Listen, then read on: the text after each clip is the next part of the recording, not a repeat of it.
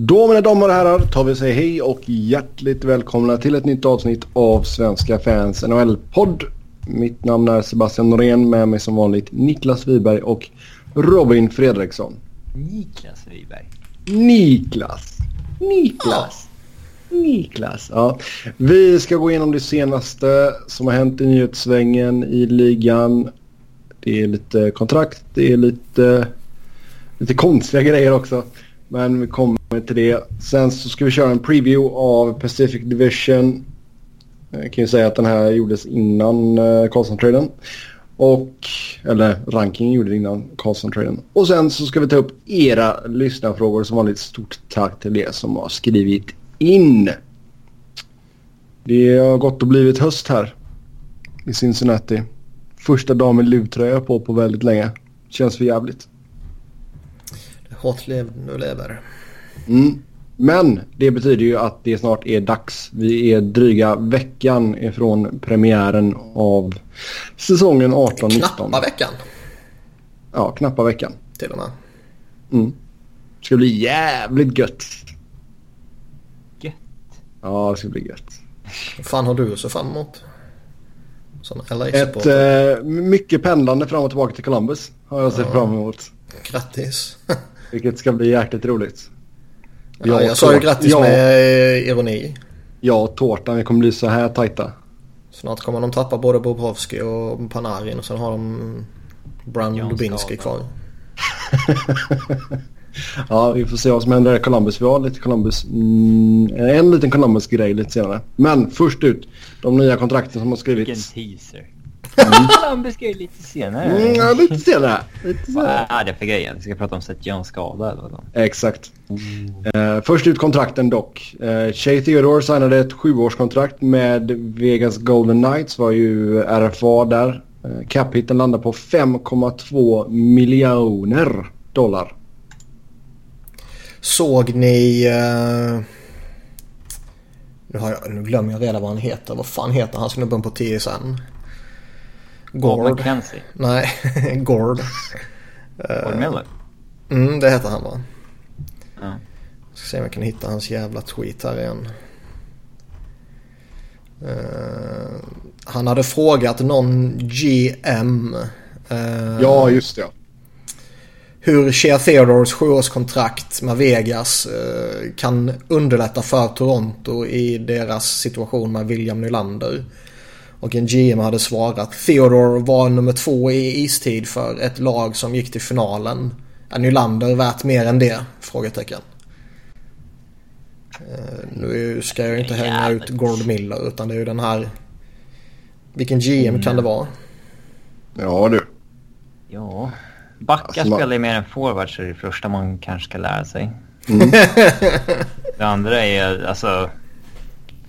Theodore har ju fortfarande inte gjort en full NHL-säsong. Nylander har ju presterat på top line-nivå i minst två säsonger. Ja. Så det är en jäkligt skev jämförelse tycker jag personligen. Och nu minns jag faktiskt inte vem... Ska att det är en kanadensisk uh, GM i alla fall? Något av de Chiarelli kanske. Mm. Eller vem gillar att betala Benning. backar högst? Det är väldigt roligt för övrigt att Ottawa anställde en assistant GM som heter Peter McTavish. Det sägs ju vara the love child av Peter Chiarelli och Craig McTavish. oj, oj, oj. Ja. Men jag minns fan inte vem det var Måste nu. Måste ju vara en sopa. Ja, garanterat. garanterat. Men jag minns inte vem det var nu men som la ut en tweet och, och liksom bara pekade på vilka är det som har haft näst högst istid på några finallagen genom åren. Och det var liksom inga superfantastiska backar direkt. Nej. Nej, det är ju, alltså, det är ju det är ingen jämförelse du kan göra riktigt sådär som Robin säger. Liksom. Det, det var sjukt skoj. Och det, ja. det, är liksom, det, det, finns ju inte en människa i hela världen som kan övertyga mig att uh, det är de 31 smartaste och bästa hockeyfolket som sitter på de 31 GM-posterna. Nej, de är väl förmodligen... Eh, de är förmodligen smartare än man ger dem cred för oftast.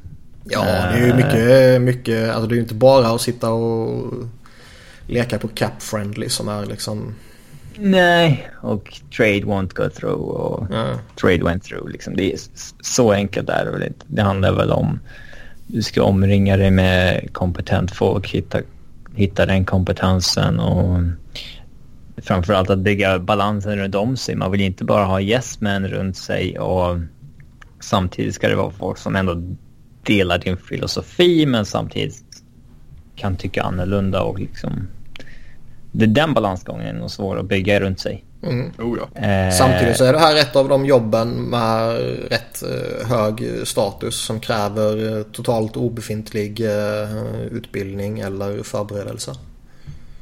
Ja, eh, sen så det vi framförallt ska, ska vara ödmjuka för, vi kanske kommer till när vi kommer till Ottawa här med Zach Smith, är att det är nog ganska ofta så en GM gör någonting på order av en ägare och GM får ta skiten. Så är det ju verkligen. Det är, Eh. som flyer vet man ju det i allra högsta grad. Om vi tittar på Shea Theodore då och hans kontrakt. Han gjorde 61 matcher i grundserien förra säsongen, 29 poäng. Gjorde 10 poäng på 20 s- playoff-matcher. Eh, är ju en, alltså, det är ju så en spelare som vi har en så snackat gott om under åren. När han flög upp och ner mellan eh, Anaheim och San Diego. Ja, men eh, de här långtidskontrakten på backar som precis har slagit igenom eh, har vi prat, eh, pratat om liksom lite till och från. Ehm, och att det börjar bli inne att göra de kontrakten igen. Eh, och det är väl högst naturligt att Shea Theodore får ett sånt. Men syftet med ett sånt kontrakt är väl att liksom få ner capen långsiktigt. Är, Ja, är det inte fyndpotential. lite- Ja, är det inte liksom eh, lite väl högt baserat på ganska liten sample size här? Jo, jag är redo att hålla med. Ehm, det finns ju fortfarande en viss fyndpotential. Ja, Eller om han relativt blir en stor till och med 60 poängs kanske. back. Om han Eller- blir något sånt ja. Men blir han inte så avsevärt mycket mer än vad han redan är. Så är det ju inte mycket fyndpotential här direkt. Nej, Nej, det stämmer helt. på ett rimligt kontrakt kanske, men... Eh, Ja. Ja, alltså inte så att jag ryggdunkar eh, eh, George McPhee eh, för det här. Nej, det har vi väl inte gjort någon gång. Nej, det stämmer nog. Nej, det är helt sant. Nej, men alltså som du säger, visst går han och gör 50-60 pinnar så visst då är det klart att detta är bra. Då är det en bra capita. Eller riktigt bra capita till och med. Men... Jag eh, gillar honom fortfarande och jag tror han kan ta... Ja, han är ä- Även bra. om han liksom har hunnit bli 23 år och han... Alltså det, det bör ta fart nu liksom. Mm. Och han har inte lyft riktigt ännu. Jag gillar honom fortfarande. Men, men som sagt ska... Han har fortfarande potential men det vill nog att han börjar få ut den relativt Oh ja. snart. Känns det som. Oh, ja. Och nu kommer det ju lite mer press på honom också med detta kontraktet såklart. Ja, och eh, alltså man undrar ju hur Nate Schmidts avstängning kan påverka han också. Inte för att jag menar att han också var dopad. Utan eh, rimligtvis så bör ju ett ännu större ansvar falla på Shea Theodore över de 20 första matcherna. Oh ja, två minuter i PP. Mm, ja, kanske. Kanske. Och 5 mot 5 bör väl ut... eh, Eller den rollen bör väl expanderas där och hela köret liksom. Och eh, då vill det till att steppa upp. Yes. Mm. Ja, intressant. Eh, hela Vegas är ju väldigt intressant och vi kommer mer till det när vi går igenom Pacific såklart. Eh, Paul Byron, Montreal, fyra år, 3,4 miljoner i capita. Det var väl, jag läste någonstans lite så här att folk sitter och, eh, eller folk, Montreal-supportrar då, sitter och funderar lite på vad man skulle göra med honom. Skulle man skeppa iväg honom och få kanske någon prospect eller några picks eller något sånt här och, och eh, kunna bygga vidare på det nybygget med hjälp av det? Eller ska man använda honom som någon form av eh, vad ska man kalla det, brygga mellan det nuvarande och det kommande. För jag tycker ändå alltså, han är ju en en fascinerande spelare. Han är, ja, alltså... han är ju inte bra om man säger så. Men ändå så är han effektiv. Jo, 22 eh, mål säsongen 16-17 och så 20 mål i fjol. Så ja, visst, det alltså, är ju inte dåligt. Tittar man på hans målskytte bara så är han ju typ borderline first liner. Om jag inte minns fel. Över de två senaste åren om man slår ihop det. Ja. Uh, ja. Something like that. Och det är inte fy skam. Nej, men samtidigt 3,4 får han nu då. I fyra år och hoppar. Det kickar in efter denna säsongen. Han har fortfarande ett år kvar på... Kans, kanske något år för långt liksom. Ja, kan ett år kvar på 1,2 drygt. Ja. Han får ju betalt retroaktivt här. Ja. Han har ju varit betald under eh, hela Habs-perioden så att säga. Mm. Ja, det är sant. Uh, och jag tycker väl pengarna i sig, alltså ligger han kvar på 20 baljor, 20 det är baljor och 40 poäng liksom. Något däromkring plus minus några poäng per säsong. Då tycker inte jag att pengarna är något problem.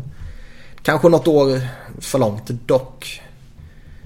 Uh, men ja, de får en nyttig spelare idag och det är ju som vi har pratat om tusen gånger. Man vill ju ändå behålla laget tillräckligt slagkraftigt så att man inte blir en slagpåse och fastnar i träsket.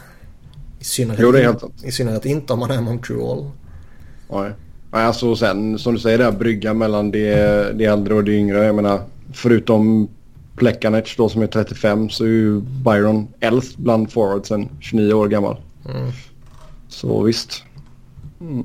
Ja, Sen är frågan, skulle man få ut mer av honom om man skulle eh, trada honom?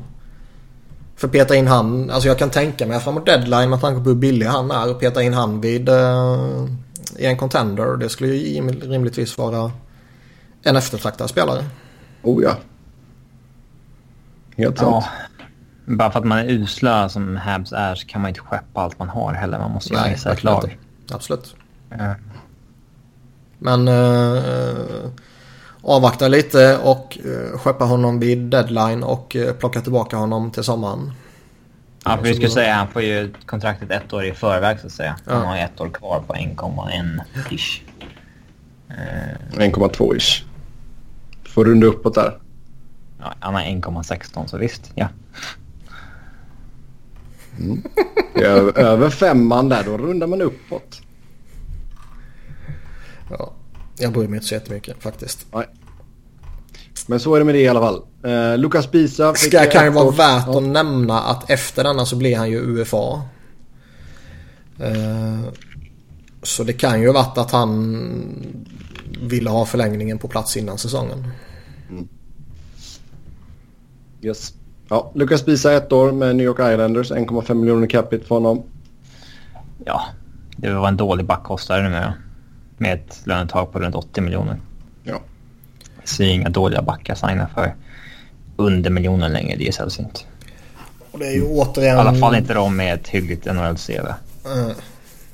Och med tanke på vad, hur det gick med Vegas och final och vad han var med om där så plussar man väl på några hundratusen för det också känns det som. Sen är det väl ytterligare ett bevis på att man inte vill ha Uncle Lou som din GM 2018. Yes. Helt, helt sant. Ja, sen uh, Miles Wood signade ett uh, nytt kontrakt med New Jersey Devils. Fyra säsonger där, 2,75 miljoner capita. Det kan nog vara bra. Att få uh, ganska låg capita på long term för en spelare som känns som kommer vara en uh, effektiv, fartfull spelare. Um, mm, jag tycker han är helt okej. Okay. Tycker Devils det är potentiellt fint. Mm, 19 mål på 76 matcher blev det förra säsongen för honom. Mm. Så får se om man kan hålla uppe de siffrorna i alla fall. Sen Ottawa satte Zach Smith på waivers. Ingen plockade upp honom och sedan gick han in som första center i nästa träningsmatch. Det är ju konstiga grejer de håller på med där uppe alltså. Ehm. Han hade ju gått ut och, och snackat här, eh, Pierre Dorian och, och liksom snackar om att det var det tuffaste beslut, eller diskussionen han någonsin har haft med en spelare. Och så bara tittar, han tillbaka, tittar man tillbaka på vad han har gjort de senaste eh, ett och ett halvt åren eller någonting. Och det här är det tuffaste diskussionen han har haft. mm. Direkt blickar jag tillbaka. Vad är det? Två veckor sedan Karlsson-traden någonting. Och den diskussionen var enklare tyckte han. Ja.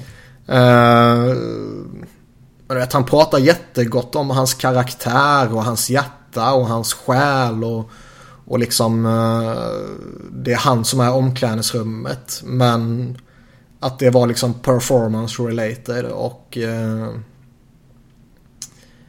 de visste att om de lät laget bli medvetna om att de inte accepterar vad som hände förra året. Så skulle det, genom att göra ett exempel av han då, så skulle det skicka ett budskap. Men det är ju alltså... Budskap. Det blir ju så ja. extremt när, när de först sätter upp honom på waivers, ingen tar honom och sen två sekunder efteråt så skickar, uh, skickas han in i första kedjan liksom. Ja, och de pratar om att han är lagets själ och hjärta liksom. Ja. Sen det är, är det uppenbart ju... att Melnick har gett en order att försöka dumpa de där tre miljonerna. Ja. På kontraktet. Och det är liksom inget annat det handlar om.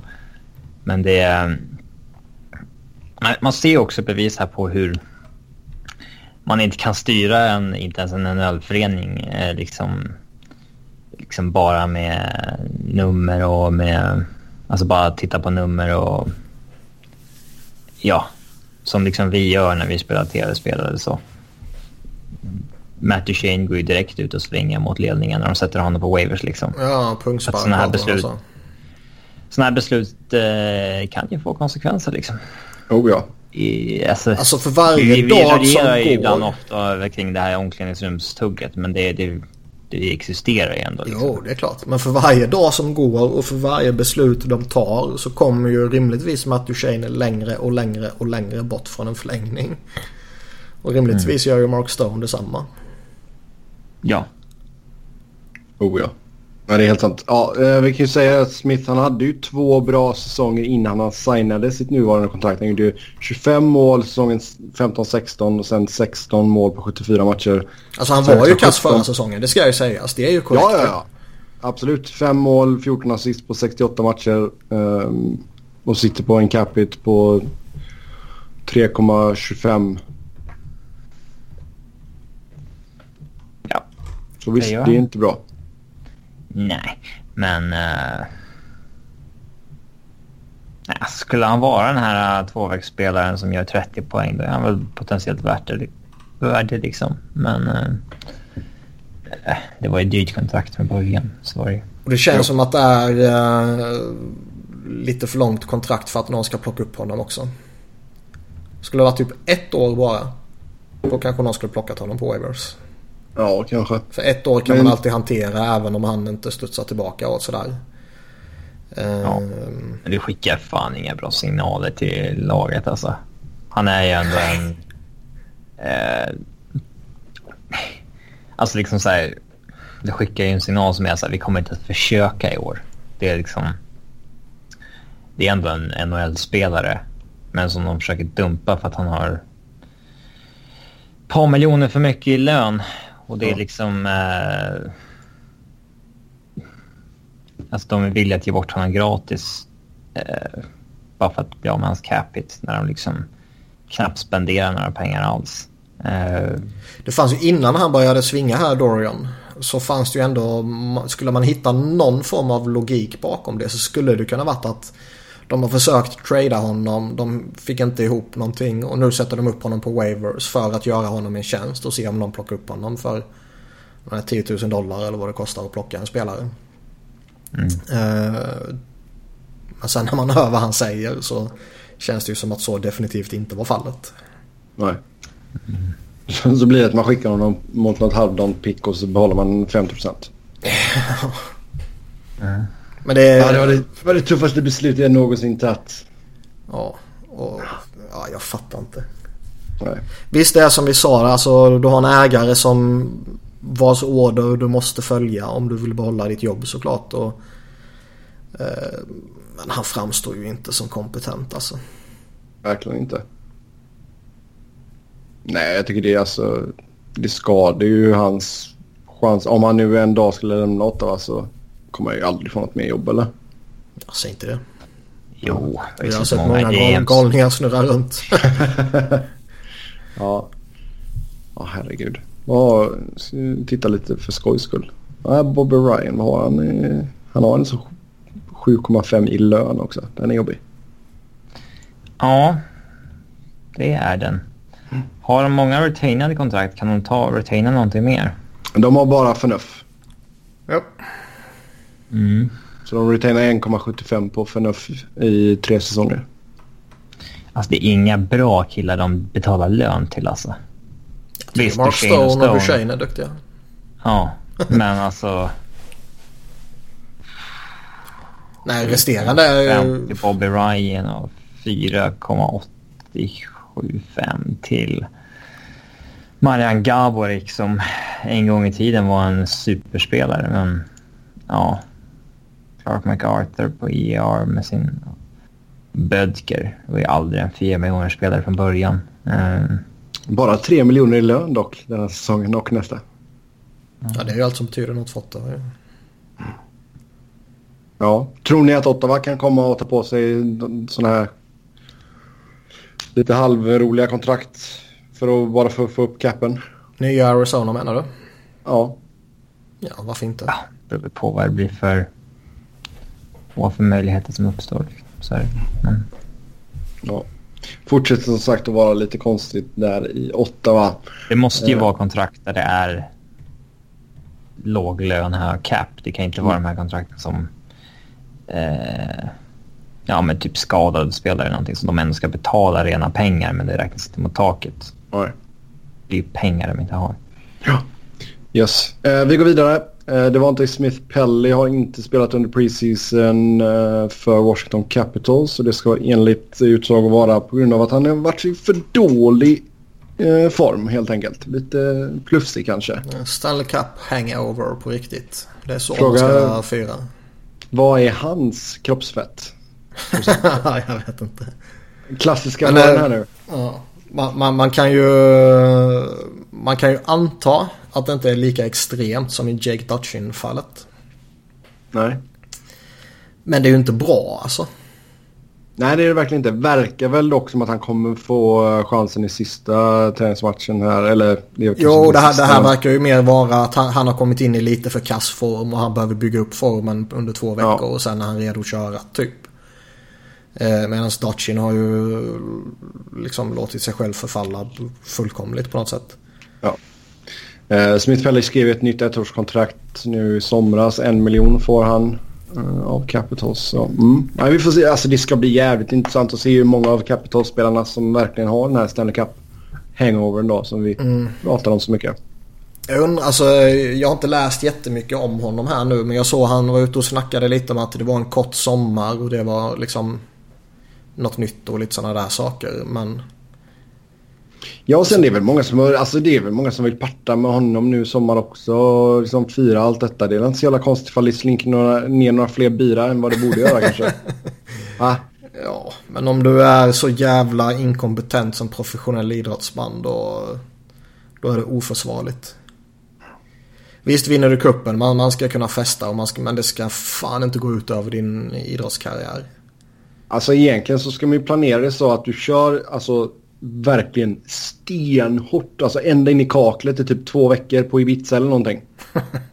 och sen så bara, ja, bra, då börjar vi och barmarksträning. Ja, men alltså oavsett hur man gör måste man ju ta det på större allvar än att inte komma i ordentlig form till kampen. Oavsett om det har varit en jättelång sommar eller en jättekort sommar för att du gick hela vägen. Mm. Det, det är liksom jag har jävligt svårt att acceptera det. Ja. Nej, som sagt, Capitals. Vi får se nu vad som händer och fötter. Um, Corey Perry knäskadad borta fem månader. Det blev det under uppvärmningen. Den är ju seg. Men han hade ju redan dalat en hel del. Vi har ju inte pratat jättegott om honom och hans form här eh, förra säsongen. Men eh, ja, detta hjälper ju verkligen inte till. Nej, det är en spelare som verkligen inte behövde den, uh, den skadan. Nej, den pungsparken tänkte du säga. Eller nej, är det blessing in disguise? Nej.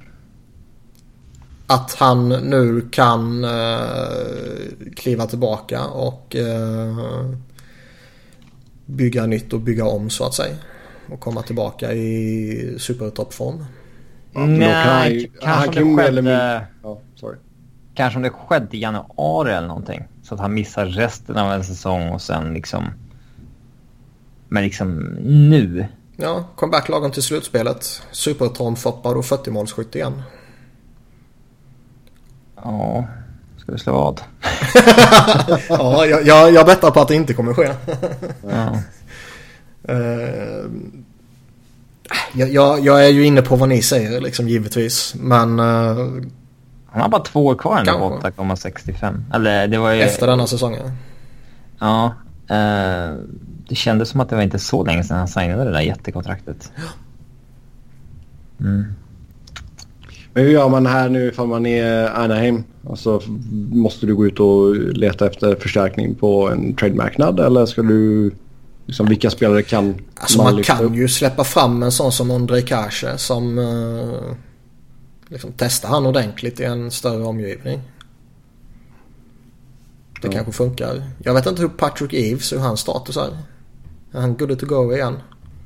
Ja, det är väl för då är det ju, då är det ju som en förstärkning och... för att citera och sen Wenger. Kessler också. Ja, han vet jag faktiskt inte. Jag har inte sett något med honom. Ja, då blir jag... Ska se vad det står här om Patrick Eves. Du, du, du, du, du. Står det någonting? Men man går väl ändå in i säsongen och kör bara. Alltså, så får man väl se ja. vad som håller. De har inte ett dåligt lag i övrigt. Nej, Nej men säg då att Perry är borta lång tid. Säg att Kessler är fortfarande kass. Uh, och att Eves fortfarande har problem. Ta bort de tre. Det är en tunga tapp. Oh ja. Sen kanske de inte är de spelarna de en gång var. Men äh, jäklar vilket ansvar det blir på Getzlaff och Raquel. Rakel. Rakel. Oraklet. Ricard. Nej men det är ju alltså. De ska ju klara det. Får se. Men alltså det, det är ju inte Corey Perry i sin prime. Det är ju inte Ryan Nej, Getzlaff i sin... Inte. Eller förlåt, det är ju inte Ryan Kessler i sin prime. Uh, givetvis kommer det påverka Anaheim, men... Alltså vad fan, man får ju ta det för vad det är också. Det här innebär kanske att... Uh, vad heter han? Terry heter han va? Troy, Troy Terry. Ja. Man kanske släpper fram honom nu och han kanske exploderar liksom. Mm. Vad har du med? Max Jones? Ja, vad fan händer med... och vad händer med Nick Ritchie liksom? Han är fortfarande osignad. Ja. Och... Uh, man var ju relativt hög på honom tidigare ändå. Men han har ju inte riktigt blommat ut. Och... Uh, ja. Det kanske finns en potential där fortfarande. Ironiskt nog eh, plockades efter Nylander i draften och Don Cherry var lite lack för att Toronto skippade Nick Ritchie. Eh, det låter någon. någonting som Don Cherry skulle säga. Mm. Och nu båda RFA så inte signa. Mm. Jo, Nylander 8, Ehlers 9, Ritchie 10. Mm. Jag hade ju haft Nylander och Ehlers alla dagar i veckan före Ritchie. Så ja. som det ser ut nu, såklart. Nu är det en 25 poängspelare. Ja, det är helt sant. Ja, eh, och sen då Seth Jones, eh, vi hintade ju om Columbus där, knäskadad, borta 5-6 veckor så inte lika illa som Perry. Men eh, ändå så ett hårt slag för Columbus i början av säsongen. Ja, det känns som att Columbus kan få lite så här, det är lite Ottawa-potential över dem. Att allting kan rasa samman lite grann. Uh, tror inte att det gör det, men uh, spåkorten talar inte så gott om deras år om det ska göra det så tror jag ju inte det gör det direkt. Nej. Utan det är i så fall att de, de får lite, lite problem denna säsongen kanske och sen så osäkerheten kring Panarin och Bobrovski som vi har pratat om. Det, det liksom sätter sina spår och en eller båda av dem sticker nästa sommar och då börjar förfallet. Ja. Det känns väl Det var inte så länge sedan vi eh, snackade ner Columbus rätt hårt så att de har ingen framtid alls och så vidare. Men sen så hände ju något där med tårtan och ja. allt klaffade rätt. Mm. Jo men det var väl under hans första säsong där va? Jag minns inte. Men de fick ju en liten lyckoträff där när eh, Kane och Toews ville ha tillbaka Brandon Saad och då var de tvungna att ge upp Panarin för det. Ja.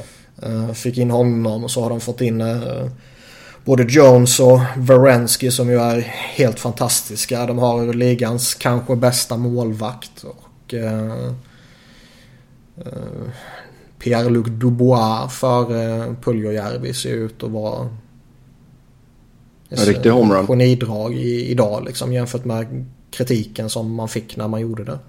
Ja. Vi var inte nådiga minns jag. Jag kan tänka mig att jag snackade förmodligen upp Dubois medan ni sågade honom. Nej. Vi sa väl att jävligt konstigt att inte trada ner i så fall. Ja. Men laget som var fyra kanske inte ville trada upp. Nej, det är mycket sant. Mycket sant. Nej, alltså, som vi har sagt innan där med Columbus plocka bort Panarin och Bobrovski. Och det, då blir det jävligt tufft beroende såklart på utbytet. Men det, vi får se vad som händer för att det där Kekkelainen har ju lite att jobba på som sagt. Um, men med Jones borta då i inledningen av säsongen. Alltså vi säger det, Wrensky som du sa Niklas, riktigt bra. Men bakom där. Uh. Nej, men David Savard är ju okej. Okay. Men, men utöver honom så är det ju suspekt. Ja. Mm. Ryan Murray, blir det någonting eh, av honom någon gång? Nej. Det känns som att skadorna har... Det var ett dåligt eh, draftår det där. Ja, dels det och skadorna har ju tagit ut sin rätt på honom.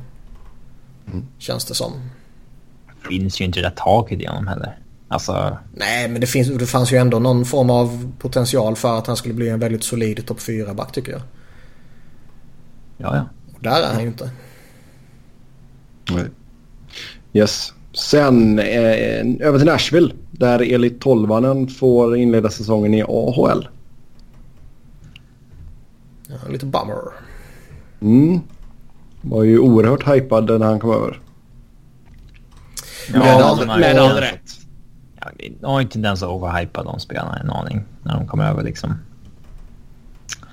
Uh, ska vi inte ha för bråttom, han är ju bara 19. Nej, han är slut. ja, exakt. Han har pikat. Nej men fan. Börjar han i AHL och han stänker in några baljor där så är det bara att lyfta upp honom. Det är ju inga problem. Kan kanske vara bra för självförtroendet också. Jag vet. Ja. Sen Brian Gionta slutar och Andrei Pavelec slutar. Ja, en, en äldre än den andra. Uh, Jaså? Åh oh, fan! Ja. Chockerande statement du kommer med här. Alltså. Ja. Uh, vad ska vi säga om Brian Gionta? Ska vi börja med honom? Ja, varför slutar han ett år efter att han har slutat? Alltså, hans comeback här var ju väldigt märklig. Men... Ähm, ja. Äh, ja. Det är väl det där Stanley Cup-hoppet hos vissa spelare. Att ja. vinna en... Det, det man kan igen. säga om honom är väl egentligen att uh, det var en liten spelare som kom fram och etablerade sig och under många år höll en, en förhållandevis hög nivå. Han hade ju en säsong med 48 mål, en scoring inflated säsongen efter lockouten. Mm. Men annars var aldrig över 30 mål. Nej, men han, alltså slår man ut det så känns det väl som att han snittade omkring 25 mål där under sin prime. Om man exkluderar det där orimliga året liksom. Och det är ju ändå mm. en stabil karriär. Oh ja. Ja, han har inte haft en pisskarriär så. 600 poäng, 1000 matcher. Mm. 595 Men, poäng. Eh, det var inget vackert slut här i Buffalo. Och sista försöket i Bruins Nej. Nej, det är sant. Så går det väl om man spelar tills man är 39. Ja. Helt, helt sant. Uh, Pavlec är väl bara 31. Ja, lite konstigt kanske. Lite förvånande. Det känns som att han borde ju kunna komma ut några rätt vettiga och välbetalda år i Europa. Mm. Uh, har ju inte varit liksom... Han var inte pissusel i Rangers i fjol heller. Nej, det är ju bara Sebbe som hatar på honom. Mm. Ja, för han var typ ligans sämsta, han var ligans sämsta starter när han var i Jets. Ja, men... Absolut. Men alltså han...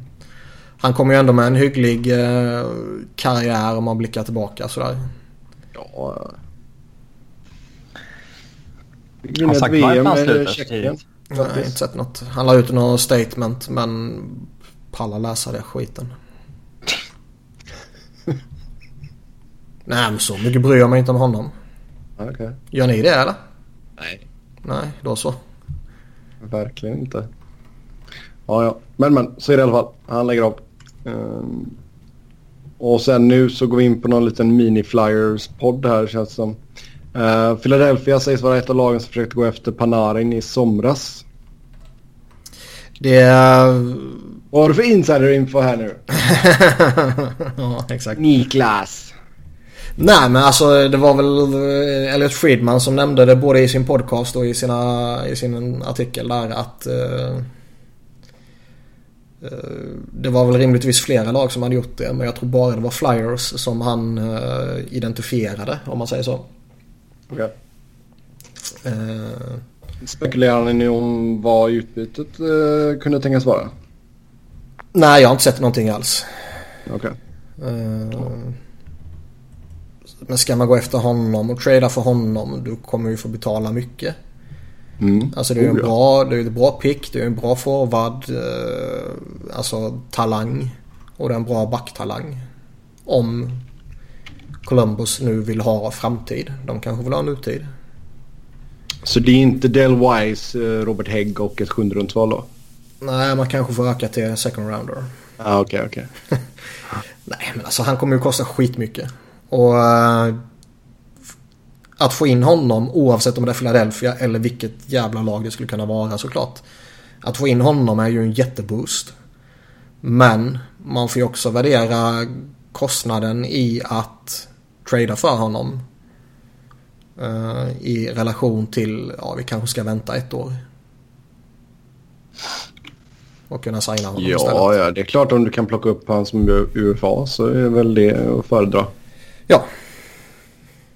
Uh, och att man sen inte fick honom och valde JVR. Det, Panarin är ju den bättre spelaren men JVR är ju inte dåligt tröstpris om man säger så.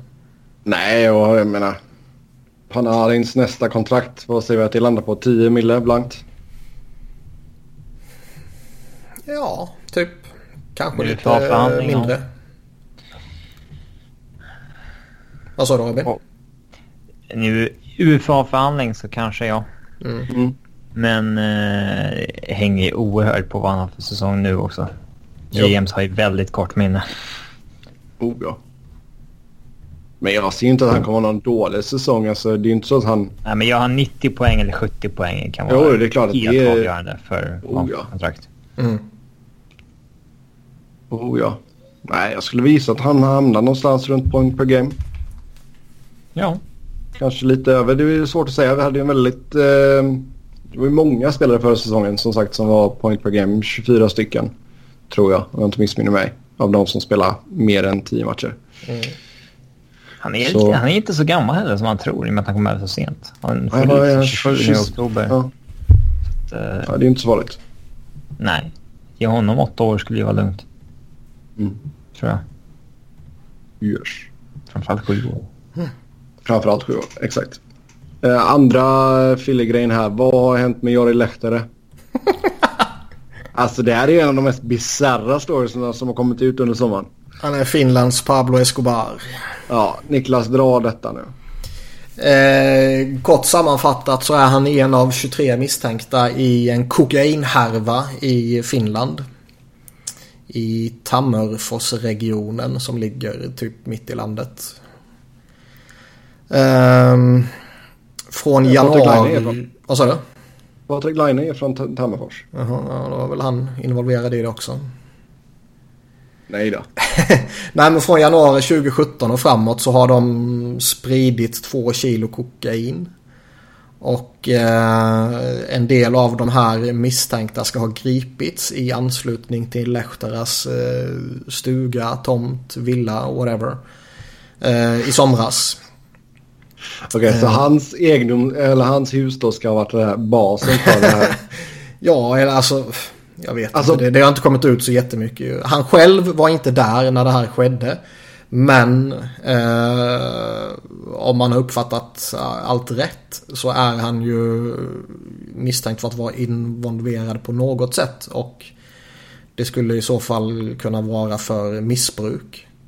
Okay. Sen är ju all, de andra här är ju liksom misstänkta för pengatvätt och häleri och narkotikabrott. Och de har hittat eh, både eh, kokain och amfetamin och eh, dopingpreparat. Okej, okay. inga vapen? inte vad jag vet. Känns som att det brukar gå hand i hand annars. Mm. Sen, förnek, sen förnekar han ju till det här. Och ja. utredningen pågår och åklagaren har ännu inte väckt något åtal. Är han i liksom. Finland nu alltså? Nej, han är på campen. Så det här skedde ju i somras. Jaha, det har inte läckt förrän nu? Nej, vilket är sjukt fascinerande.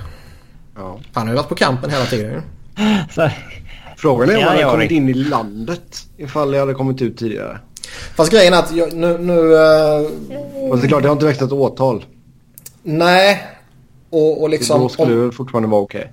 Om ingenting händer Uh, liksom han frikänns så att säga. Då kan man väl inte göra någonting oavsett om man pratar ur CBA-perspektiv eller om man pratar ur ett större sån här uh, inresetillstånd, arbetstillståndsdiskussion liksom. Men vad jag så läste lite så, så är det ju lite andra tidigare eh, typ någon modell och något liknande som åkte fast för någonting eller som typ blev fotograferad med någonting och inte beviljades inresetillstånd i USA och karriären var liksom körd typ. Ja, det kan vara ett jäkla meck. Jag vet eh, skådespelaren Russell Brand har ju haft stora problem med eh, liksom inre, in, inresetillstånd. Så nu fick jag sagt mm. det. Eh, till USA och sådär. Jag vet att min polare hamnade i någon sån här secondary screening och då var Russell Brand där. Bara, tjena. Mm. Eh, men det är ju då på grund av droghistoriken och liksom, eh, att han har blivit arresterad i Storbritannien och så där tidigare. Så nej, nej, alltså har du något sånt på, på, din, på ditt CV så att säga så kan det bli stökigt att komma in. Så mm. är det. Uh, sen, sen alltså, är då jag, frågan liksom att uh, jag får ju intrycket av att han inte har informerat Flyers om det här. Du För, får det intrycket? Ja, Baserat på ett statement som Hextall gjorde. Eh, där han sa att ja, vi har sett de här rapporterna. Vi har pratat med Lehtara och kontaktat ligan. Sa han när det kommer fram då liksom. Och det ger ju intrycket av att det är första gången de hör om det här. Det kanske inte är en grej du ska liksom hoppas komma undan med. Nej, och, och, och liksom om det skulle varit så att han... Eh, alltså, han är ju innocent until proven guilty. Får man väl ändå konstatera trots att det råkar vara den sämsta skitspelaren i laget. Ja, det, det, men, de men, reglerna liksom, gäller ju även i Finland. ja, ja, jo. Men... Eh, säg att han är helt uh, oskyldig och hans namn bara har halkat in här på något sätt och de liksom hängde på hans tomt utan hans tillåtelse när han inte var i landet och lite sådana där grejer liksom. Alltså om det händer och du har varit inne och snackat med polisen och berättat det här och du är helt oskyldig. Alltså då, då, då är man väl så pass intelligent som man berättar det för sin arbetsgivare. Ja, det tycker jag. Ja, man hoppas att det inte kommer upp. Men man förstår väl att något sånt här kommer upp. Ja, alltså om du är en, ett namn som man ändå är och du har varit involverad i det här så kommer det komma ut så småningom. Det måste man ju fatta. Ja, tjena Jori. Vad hände i somras då? Ja, det... Lugnt. Chilla vid sommarstugan bara. Did some fishing, uh, not much really. Uh. Ja. Nej men också även om han har tagit snack med liksom, agent och sådär. Det har varit hans agent så har det ju också varit så pass smart i huvudet som jag sagt att ja, men det är nog bäst att du säger detta. Ja, se inte på det så. Alltså de här agenterna får ju inte ens uh, draftade ungarna att radera sin Twitter-historik. Så hur jävla intelligenta kan de vara? uh, ja. men, men, men, liksom... Ja, jag tycker det är konstigt. För, och, och, skulle då Flyers ha fått reda på det här i förväg eller vad man ska säga. Så borde ju de vara så pass kompetenta att de i alla fall förbereder ett korrekt statement. Och inte bara mm. säger vi har blivit informerade om det här, vi har pratat med han och vi har kontaktat ligan. För det Nej, låter exakt. ju jävligt konstigt. Ja. Jag såg precis, eller precis, men i dagarna så såg jag filmen American Made med eh, Tom Cruise när han spelar Barry Seal. Eh, så två kilo kokain låter extremt lite Eh, just nu efter att ha sett den filmen när han har liksom dratt med sig så tonvis typ från, eh, eller inte tonvis men han kanske drog med sig 100-150 kilo från eh, ja. Colombia. Nu, min, nu minns jag inte eh, exakt hur mycket det var värt men det var ju några miljoner ju. Ju, ja, jag, jag kan inte säga att jag är jätteinsatt i drogpriserna i Finland just nu. Nej, det kan jag. Det, där, där, där, har jag bra koll. ja. Nej, men jag läste någonstans och då så hade de uppskattat någon siffra eller någonting till, till vad det var. Och de har ju alltså polisen har ju beslagtagit saker, typ eh, guld och smycken och allt sånt här till ett värde av 650 000 euro. Det är mycket. Ja. Uh, så något jävla lustigt är det alltså. Han deltog ju inte på träningen när det här kom, kom fram och liksom det känns som att saker har satts i rullning liksom. Ja, vi får se hur det spelar ut sig i hela. Eh, sen är det ju alltså, må många förväntade sig ju faktiskt, alltså han, han har ju haft en, eh, det är ju andra spelare som har sprungit förbi honom under kampen.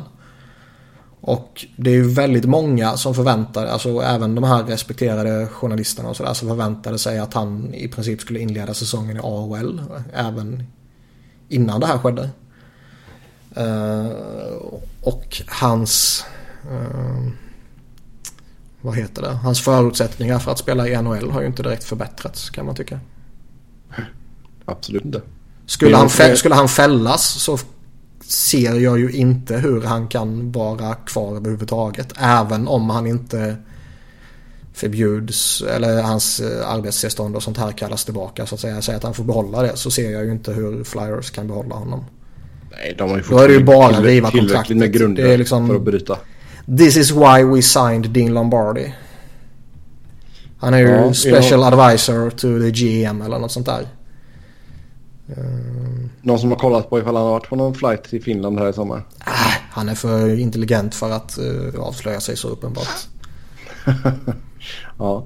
Yes. Sista Flyers-grejen här då innan vi kliver in på vår preview av Pacific Division. Det är att man har fått en ny maskot i Philadelphia. Um, gritty.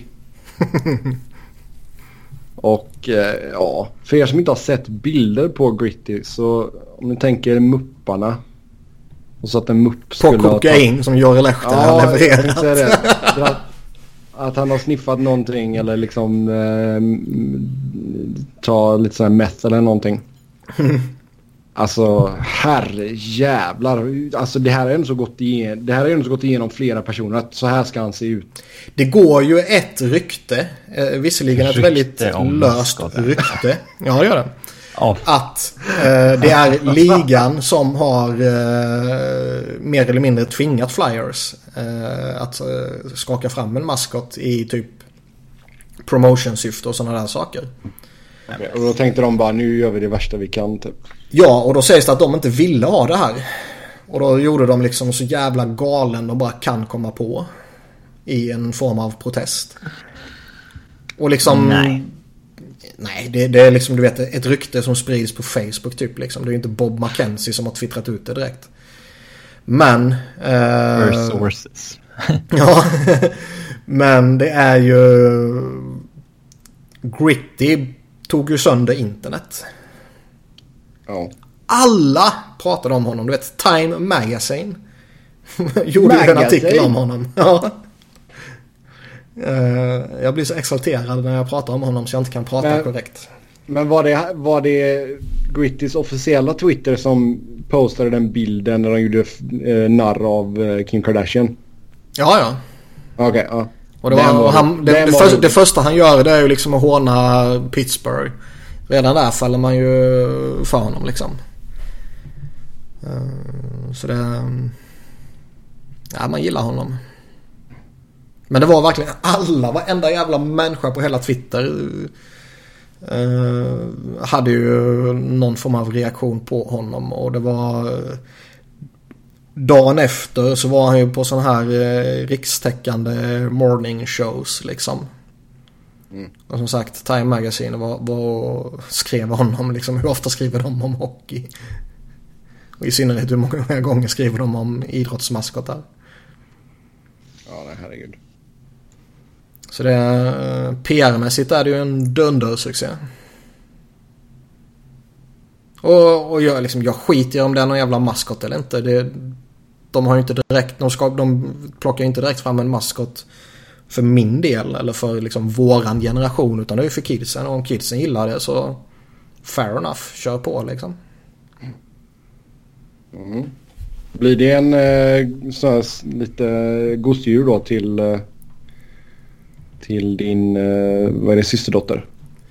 Jag har fått en systerson nu också så jag kanske måste köpa tre stycken. En var till dem och en till mig. och en till dig. Ja, det är, det är snyggt. Ja, så säger vi grattis till, till Niklas. Det känns som att han kanske är lite för hemsk att ge till en uh, treåring och en nyfödd unge. Fast nyfödd, då är det nog skitsamma tror jag. Han blir ju fan rädd för mig. Jaha okej. Okay. Det är bara för att du ser ut som Gritty kanske. ja, jo, så är det. Jag tänkte det. Ännu lite värre. Du har ju din halloween-kostym klar i alla fall. Jajamän. Ja. Yes, vi, uh, vi släpper maskotarna där eller? Eller är det någon mer maskot vi vill snacka om? Jag kan ingen annan maskot. Vi spelade in Flyers-podden igår om man vill fördjupa sig i Flyers kan jag säga. Fördjupa sig i Gritty? Vad sa du? Fördjupa sig i Gritty. Fördjupa sig i Gritty och höra ännu mer eh, smutsiga skämt om eh, kokain. Ja, sådär ja. Mm. Med det då så kliver vi in på våran preview av Pacific Division. Uh, detta uh, gjorde vi i somras då. Alla skribenterna fick ranka hur vi trodde att lagen skulle placera sig i divisionstabellen.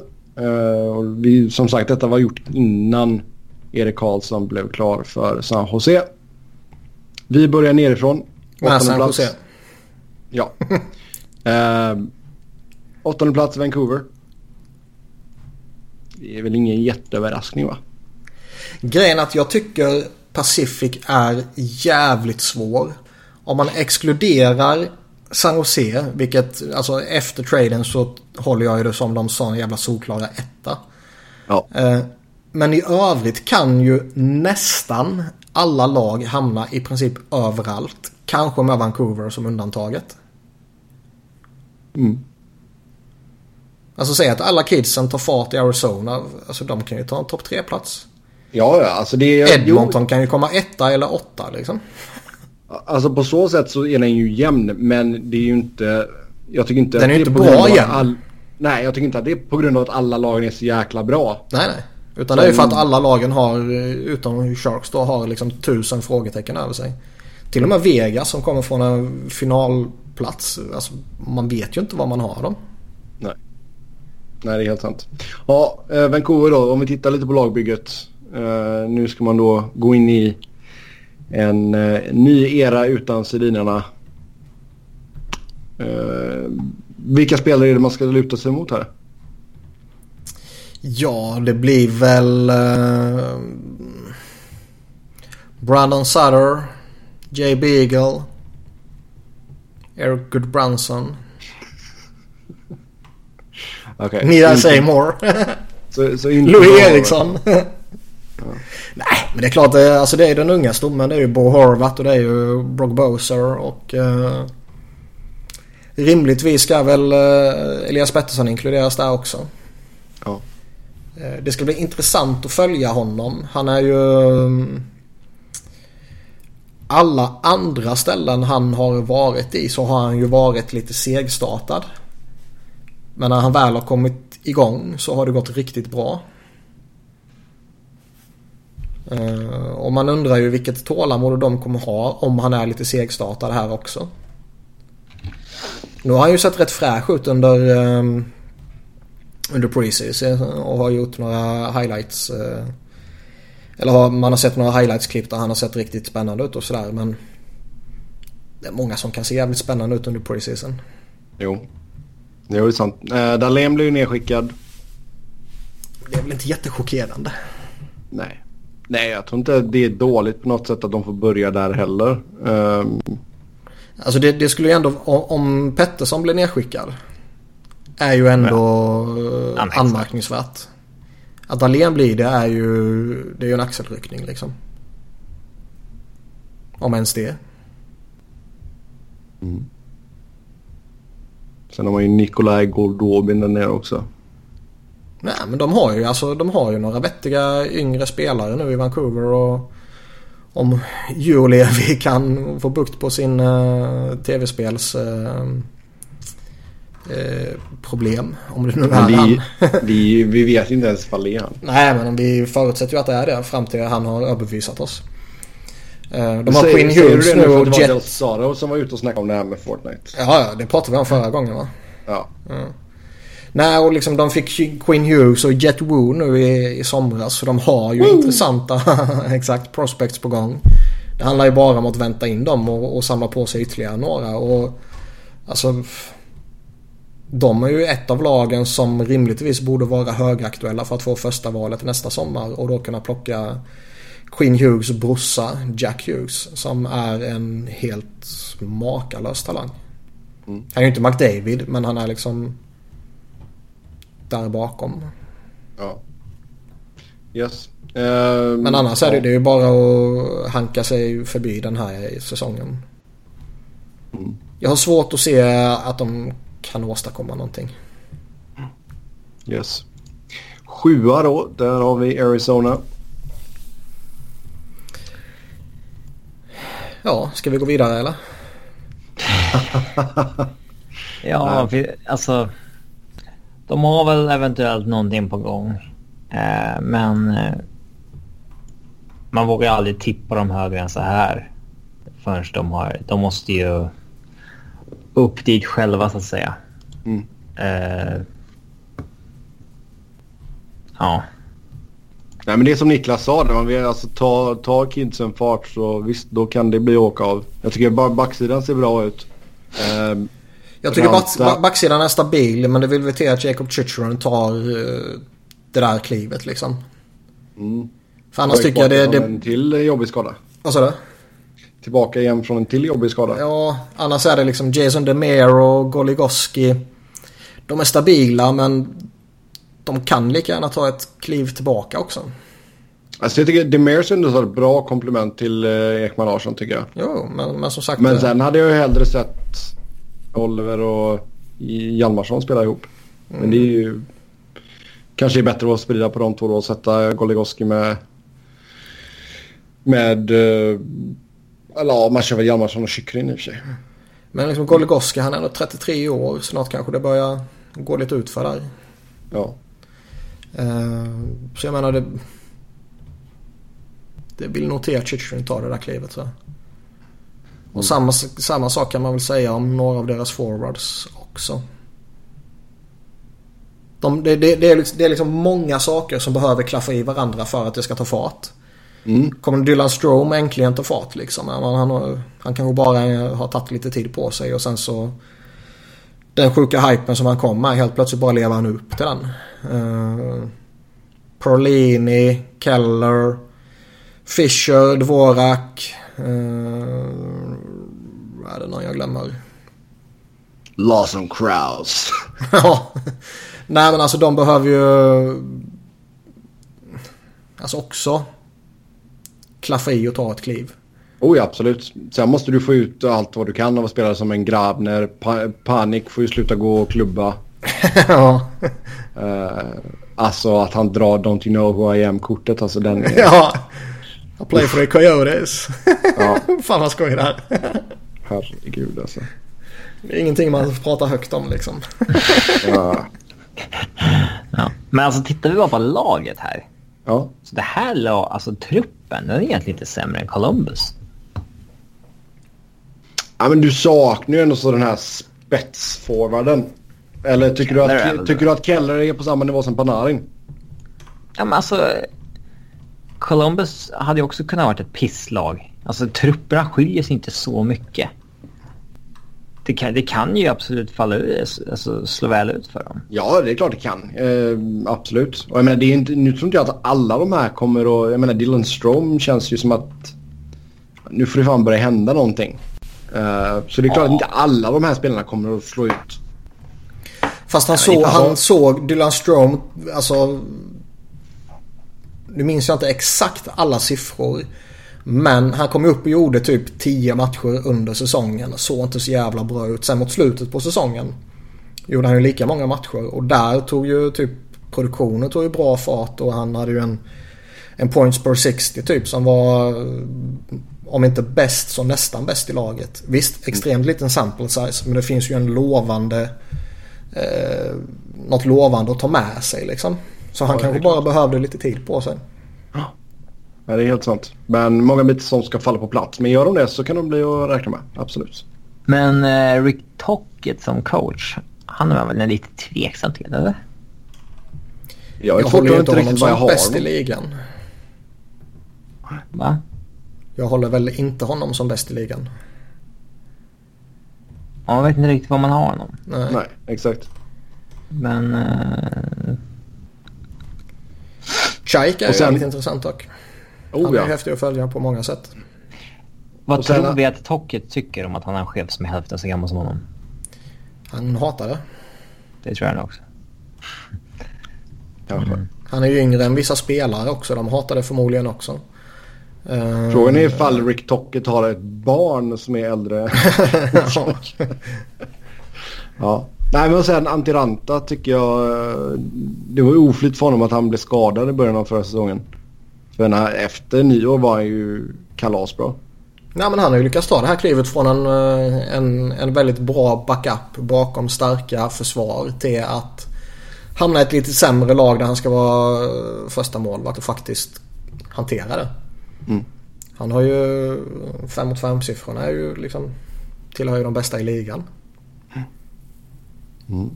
Och inte ute och sväva lika mycket som Mike Smith var heller. Mm. Så det är alltid bra det. Uh, Darcy Kemper som backup vet jag inte om jag är jättehaj på men det, det är väl en ganska liten del i det hela. Sexa, där hittar vi Edmonton. Ja, och de kan lika gärna komma etta eller åtta. Mm. Kanske inte ja, åtta, men, men om, typ. Ja, det skulle ju vara om McDavid gick och bröt benet typ. Ja. Så pass bra är han ju så att han på egen hand lyfter detta laget från botten. Ja, det såg vi ju förra året. Ja. Men att man inte kan få... alltså jag menar ju inte det. alltså han är ju ohyggligt bra. Jo, jo, men jag menar trots att de hade en McDavid som var helt jävla fantastisk. Så var de ändå ett jävla skitlag. Ja. Och typ 20 poäng från slutspel. Alltså förbättra sig på 20 poäng. Det är ju inte omöjligt på något sätt. I synnerhet inte när du har Conor McDavid.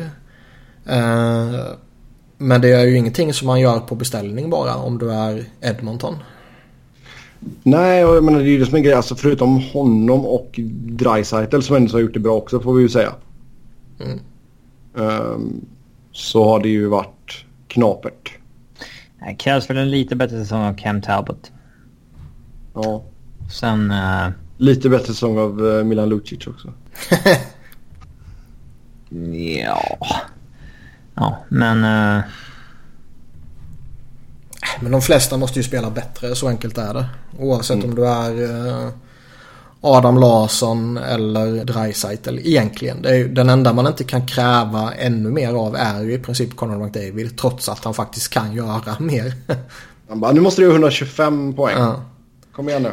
Och vem vet, alltså Puljojärvi har ju fått... frisk också. Ja, Puljojärvi har ju fått lite beröm under preseason här nu. Så liksom, är han på gång nu och, och blir så pass bra som man trodde han kunde bli. Då kan det lyfta laget ju. Han är fortfarande bara 20 bast. Jo, absolut. Och han har väl känt det efter att ha fått spendera tid i Bakersfield att där vill han inte vara. Nej, och Yamamoto kanske växlar ut också. Det är ju en annan jättespännande prospect. Mm. Ja, det är helt sant. Men visst, mycket ligger väl på eh, Talbot även fast jag tycker att Mikko Koskinen är ju intressant i alla fall som backup. Ja, det är ja, intressant för de här som kommer över från Europa liksom mm. i hög ålder. Eh, men lagbygget har ju lite för mycket hål lite överallt för att eh, man ska våga tippa dem högre. Jo, det är helt sant. Helt sant. Femma, där hittar vi Vegas. Trots att man gick till Stanley Cup-final då förra säsongen. Och här har vi ett lag som har en trupp som är sämre än Arizonas. Men bara för att de var bra i fjol så håller man dem ändå högre. Ja. Backsidan är ju ett skämt. Liksom. Men de har ju lite, ja ja, backsidan går ju inte att jämföra. Men de har ju så lite mer bevisade spelare på forwardsidan. Alltså de har ju en topp 6 som tillhör toppskiktet i ligan. Om första kedjan är på riktigt. Ja. Om den ja. är det och sen peta in Pacioretty och, och Stasny bakom dem med typ en... Uh, Ryan Reeves. Nej men Alex Tuck eller något sånt där. Mm. Alltså det är ju en fin topp 6. Inte bäst ja. i ligan men en av de bättre. Ja, om, där, alltså, om däremot första kedjan var en extrem sjuk jävla one hit wonder succé. Då är det inte lika fantastiskt. Tror vi om Pacioretty? 40 mål? Nej.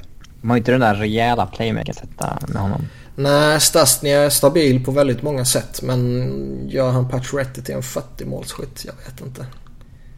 Han har aldrig gjort det tidigare. Jag säger 30-35. Mm, jag tänkte också säga runt 30-strecket. Får de ut 30 plus 30 av honom så då är det fair. Det är ju mm. typ där omkring han har legat tidigare. Nej, alltså det är, det är sjukt svårt att försöka säga om detta laget. Alltså, det är det verkligen. Nej, men det går, inte. det går ju inte att ta förra säsongen på allvar trots att det gick som det gick liksom. Uh, Backsidan som Robin sa är ju full av skräp och det är dessutom 20 matcher utan Nate Schmidt. Som är jättetapp för dem. Och hur länge kan man hoppas att Fleury spelar som han aldrig någonsin har spelat tidigare typ. Om man överdriver lite. Ja, det, är, alltså. det är ett lag man verkligen inte kan lita på. Nej. Jag vet inte alls hur jag ska tippa dem. Väldigt, väldigt svårt. Jag tror inte att de blir ett bottenlag i divisionen dock. Nej, men de skulle också kunna, alltså som du säger, det är, det är små marginaler här som avgör. Mm. Um, så jag menar, jag hade inte blivit förvånad ifall de slutade 7, 6, 5, 4, 3, 2. 7-8 tror jag ändå skulle förvåna lite för jag tycker ändå de har en stomme som är lite för bra för att de ska vara ett bottenlag i den här divisionen. Alltså Fleury, eh, även om han inte spelar överjävligt fantastiskt så tror jag ändå han kommer i sämsta fall vara eh, en, en bra målvakt liksom. Och de har ju en potential i forwardsbesättningen. Även om första kedjan tar ett litet steg tillbaka så har de ju fortfarande eh, en fin potential i topp 6. Mm. Så ja. jag, jag, jag, alltså, jag har svårt att se dem vara liksom att de, de och Vancouver är toksist i divisionen. Det tror jag inte direkt. Men eh, jag blir gärna överbevisad. Ja, vi får, vi får se helt enkelt. Men det alltså på förhand också alltid svårt att säga såklart. Men det känns ju fan Central. De bör plocka båda wildcard-platserna. Mm.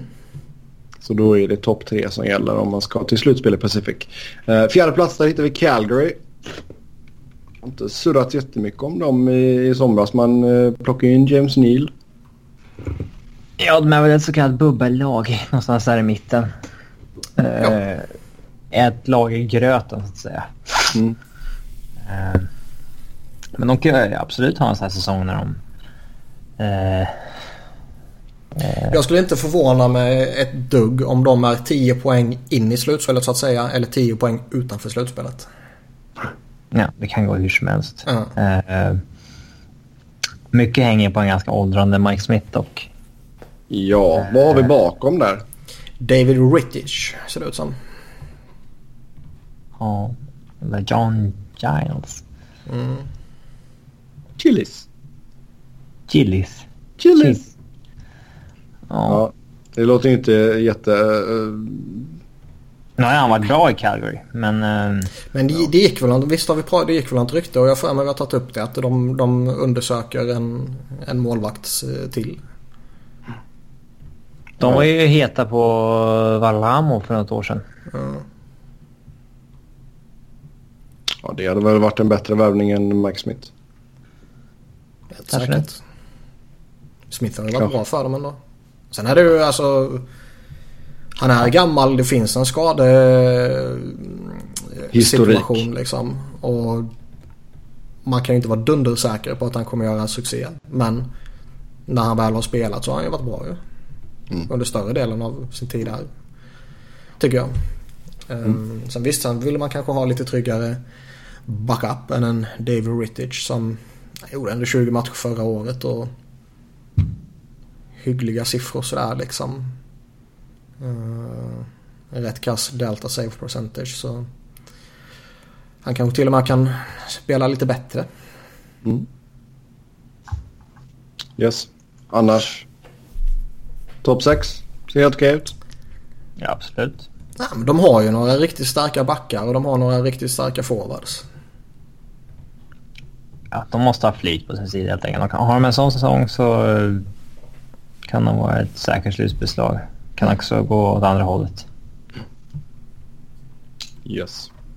Trea där hittar vi Anaheim. Pratade lite om dem innan men också sånt där lag som fan jag vet inte vad jag har dem alltså. Å ena sidan så tycker jag backbesättningen ser bra ut. Å andra sidan tycker jag den inte ser bra ut. Jag kan inte bestämma mig. Okej. Okay. Alltså Fowler, Lindholm, Manson och Brandon Montour. Det är ju fyra solida backar. Men det är ju inte den där superbacken.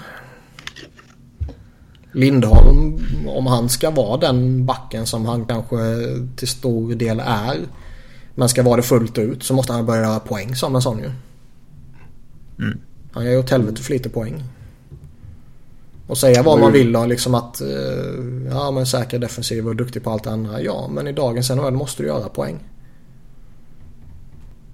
Du måste driva hade... spelet, du måste fylla på. Du kan inte bara vara stabil defensivt för att tillhöra toppskiktet. Jämfört med nej, Vlasic det... liksom. En extremt duktig back men jag anser personligen inte att han kan, kan nämnas i de absolut finaste sammanhangen för han har inte allt i totalen. Men nu är det ändå så fyra backar där som du nämner som alla låg kring 30 poäng plus. Mm, men de har inte den.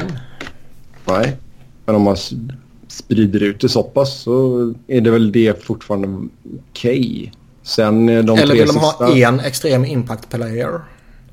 Mm, jag vet inte vad som är bäst. Nej. Nej, de, alltså de tre andra gör ju inga poäng i Schuster, Holzer och Chen. Nej. Så jag vet inte. Det, det känns som att å ena sidan så är backbesättningen bra. Å andra sidan saknar den den där extrema spetsen för att man ska kunna känna sig jävligt nöjd med den. Ja. Forwardsbesättningen pratade vi om tidigare så det, det, finns väl inget nytt att säga där liksom. Den är lite tunn. Mm. Ja, speciellt om de tre veteranerna går bort också. Målvaktssidan känns trygg. Det känns helt okej. Okay. Gibson är riktigt bra. Miller är Miller. Mm. Så det är väl helt okej. Okay. Men jag kan också se dem droppa av några platser. Oh ja. Ja, ja. Ja, de kan ha en dålig säsong och hamna utanför, absolut. Mm. Tvåa, San Jose. Det här är ju coolt. Eh, vi har ju redan pratat backbesättningen till fördärvelse men den förtjänar fan att nämnas igen. Eh, ligans två bästa offensiva och ligans bästa defensiva är ju typ unheard of i modern tid. Och man får typ gå tillbaka till 70-talet för att hitta något motsvarande när Montreal hade the big three. Mm. Ja, det höjer förväntningarna rejält. Alltså, hade vi gjort detta idag så hade vi haft se som solklar etta. Ja, så är det ju. Alltså, Erik Karlsson har ju den effekten. Det är ju inget snack om saken. Personligen ser jag inte att man kan hävda något annat överhuvudtaget. Uh, och jag känner mig rätt trygg att ni håller med mig där liksom. Ja. Hur skulle du formera de här paren då? De ser ut att köra med Vlasic och uh, Karlsson. Uh, och uh, kör vidare med Burns och uh, Joakim Ryan som kamperade ihop relativt framgångsrikt förra året. Mm. Sen Dillon och Brown i, i tredje paret då. Ja. Och, och Tim Hed var sjua. Ja, Ja, han, han, är nog den som lider mest av att Karlsson har kommit in liksom. För nu är han rimligtvis får man tro utanför laget. Um, däremot ja, Justin Brown känns det som att man kanske dumpar iväg. Å ena sidan om man då vill skapa sig lite, lite löneutrymme för att peta in en till center som det ryktas lite om att man vill. Och dels kanske man känner att äh, men Tim Hed är, han ska vara en av sex liksom. Ja. Ja, jag tror inte det har inte varit något jättetapp att byta Brown mot Hede. Det tror jag inte. Nej, jag har svårt att se det också. Sen visst, han, han och Vlasic har ju... Siffrorna indikerar ju inte riktigt det. Men de har ju fått rätt goda omdömen ändå mot slutet. Mm. Sen har de ju pissusel Borsi och sånt här men de har fått rätt mycket beröm ändå här och där. Men jag skulle ju offra han utan att tveka om du behöver skapa dig löneutrymme för att beta in en, en fin center. Ja, herregud. För när, när du har Burns, Vlasic och Karlsson och du i princip kan ha någon av dem på isen hela tiden. Eh, då kan du ju offra på dig en Tim Hed i tredje paret liksom. Oh, ja. Även om du inte litar på honom fullt ut. För det finns ju potential i honom. I synnerhet i typ powerplay. Ja. Ja, han var ju point per game-spelare nere i AHL.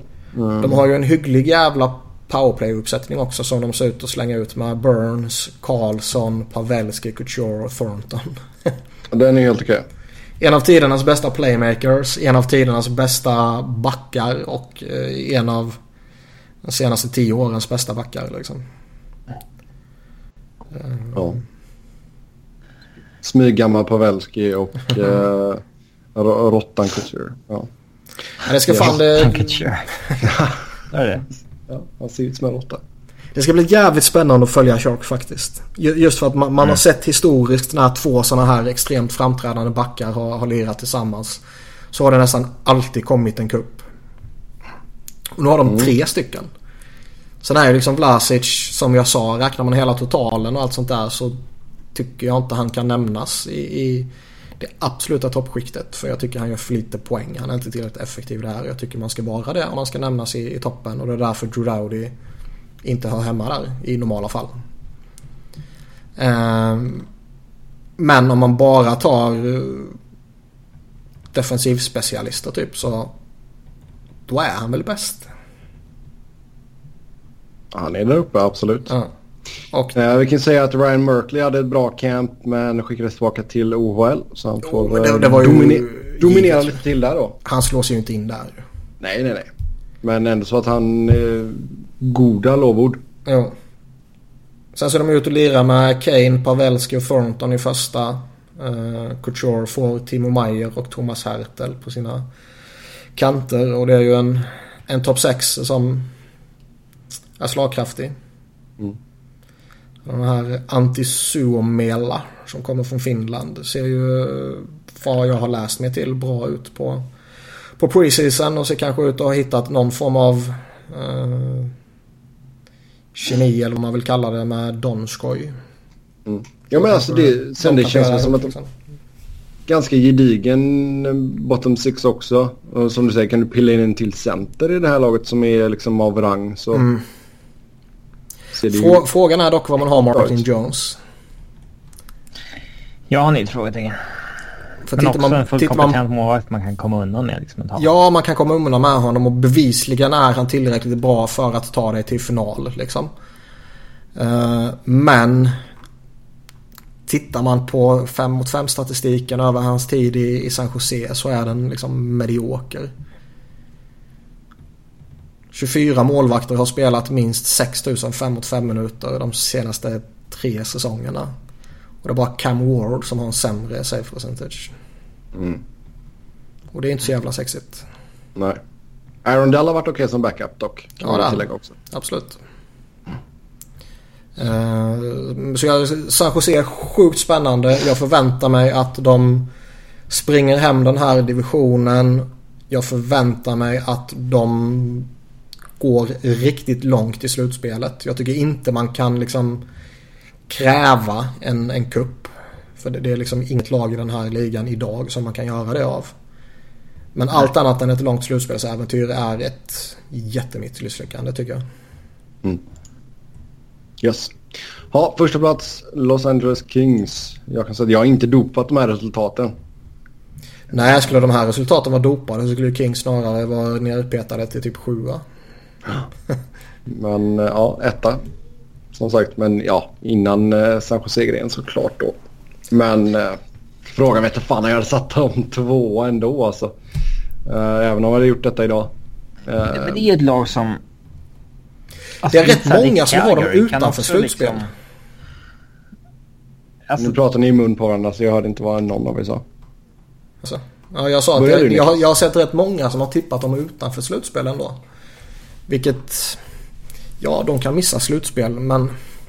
Ja, jag känner lite som Calgary sådär. De, de kan lika gärna ha 10 poäng innanför som 10 poäng utanför. Ja, absolut. Men man skulle jag... Alltså... Jag tror sannolikheten för att de tar sig till slutspel borde vara större än sannolikheten att de missar. Men jag skulle inte bli chockerad sådär om de missar liksom. Ja, samma. Svag målvakt. Eh, okej okay, backsida såklart. Um, Svag målvakt. Nu kan du sluta krydda. Du vet hur jag har rätt. Svag. Han är ju inte svag. Svag är rätt ordet. Nej, gå och lägg dig. Vad... Har det kommit några rapporter om Kovalchuk under camp och sådär? Hur... Han ser bra ut. Bra. Ja. Inte svag då? Inte svag. Han har sett stark ut. Det är frågetecken för djupet på forwardsidan. Spetsen finns ju där. Eh, Dustin Brown bounceade ju tillbaka lite i fjol men det är fortfarande... Ja, men det kan ta ett kliv tillbaka. Ja, jag säger det är ju ja. ingenting som jag skulle liksom sätta pengar på att han håller uppe det. Mm. Nej. Eh, snarare ett läge där man kanske försöker skeppa honom efter den här säsongen. Han har ändå fyra år kvar på nästan sex mille. Ja. Eh, men... Eh, Jeff Carter börjar bli lite smyggammal också. Ja, men å andra sidan... Han har fortfarande en bra klass tycker jag. Ja, alltså han var inte med mycket förra säsongen. Nu är han i alla fall frisk. Eh, så där är ju liksom... Ja. Som ett nyförvärv på det sättet om man jämför med i fjol. Jo. Nej, men sen grejen är också liksom, vad får man ut av Tyler Toffoli och Tanner Pearson? Är detta bara vad de kommer vara? Då, vet, då kanske det är dags att försöka göra någon uppgradering där. Ja, alltså jag...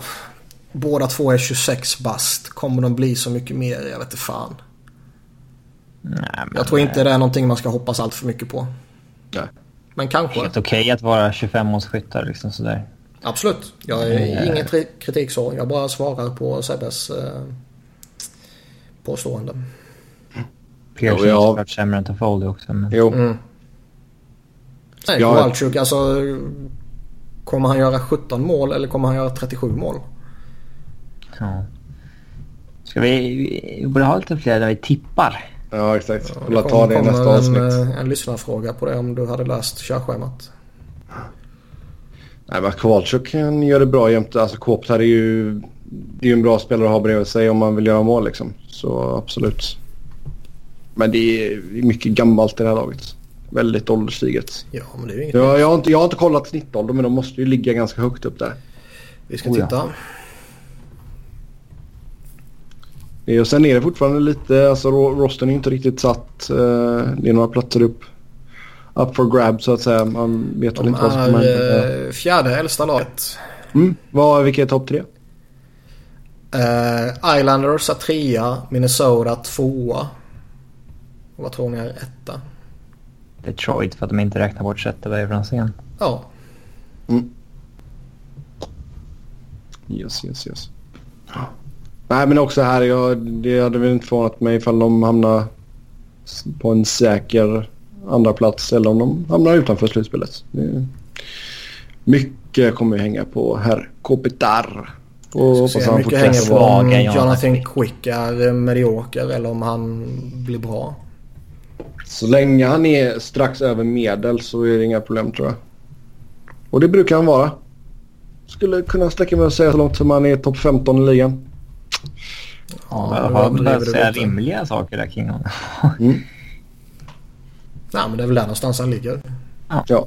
Alltså, sen Jonathan Quick kan absolut ha en säsong där han är topp fem i ligan. Kan ha en säsong där han är bäst i ligan. Ja, Ja, alltså det- ja alltså högsta, högsta nivån på, på Quick är ju enorm. Ja, men han tillhör ju den kategorin av målvakter som liksom ena säsongen kan vara 20 i ligan och andra första. Liksom. För att alla är så pass jämnbra. Liksom. Men jag tycker han var bra i fjol. Det tycker jag. Kan han, kan han hålla det så... Då har du fel. Alltså? Ja, bara titta på typ... Eller det beror på vad du eh, anser är bra. Det var väl hans bästa säsong sen hans bra säsong. Jo. Ja. Så när de vann. Ja. Ja, tittar man bara save percentages 5 mot 5 av de med minst 2000 minuter så är han utan att vilja eh, orka räkna exakt position för är han typ 10-12 någonting. Eh, och det kanske du tycker är bra. Han är sämre än Brian Elliott till exempel. Brilliant. Brilliant. Ja. Men han är bättre än Mike Smith. Mm. Han är bättre än Jakob Markström, så grattis. Tack. Nej, det blir intressant att se vad de här gubbarna kan hitta på helt enkelt. Mhm. Med det så går vi över till lyssnarfrågorna. Som vanligt tack till er som har skrivit in. Eh, först ut, jag är sugen på att höra om vilka draftval från 2018 som har bäst chans att ta plats direkt eh, vid säsongspremiären förutom Dalin och Svesjnikov. Det ser ju ut som att Kotkaniemi eh, Han ligger bra till. ligger väldigt bra till. Mm. Uh, självaste Claude Julien berömde honom till och med. Är det på grund av att det är dålig bredd i truppen eller för att han är bra? Nej, han har, nu har ju inte jag sett dem spela någon preseason match. Ingen jävla aning så liksom. Men vad man har läst sig till och vilka reaktioner man har sett lite på Twitter och allt sånt där så tror jag ju, eller så känner jag mig rätt så övertygad om att han har varit genuint bra. De har testat honom rätt hårt med lite matchups och sådana här grejer och han har skött sig väl verkar det som. Eh, Sen påverkar det säkert att det inte direkt är Crosby och Malkin som är framför honom. Jo, det är klart. Utan det, det givetvis påverkar det. Men Ja. eh, jag tror inte han är där bara för att det råkar finnas en lucka i, i centerbesättningen. Utan Vem var med? Kachuk? Eh, ja, det borde han ju vara. Med tanke på den där videon de spelar in där de ska satsa på de unga och det ska vara massa unga hela tiden så ska ju han definitivt få vara i laget. Och han lämnade ändå Boston University för att jag ska vara i NHL. Då, då kommer han ju hamna i NHL liksom. Sardina är väl inte eh, klappat och klart ännu om jag har fattat saken rätt. Men han borde vara i NHL. Det är ju om de skickar Detroit och om Detroit skickar ner Sardina och signar Jokinen och spelar han istället liksom som är på tryout med dem. Då är det ju... Jag skulle inte bli ett dugg förvånad men vad fan liksom. Ja. Mm. Är det någonting annat? Inte så många kvar va, i lagen. Det är typ nio kvar på camperna eller någonting. Ja, Inklusive... eh, jag såg någon tweet om det idag. Efter att Ass skickade ner... Uh, Vad händer med Martin Kaut? Han tar en plats kanske förresten? Nej. Eller skickades han ner?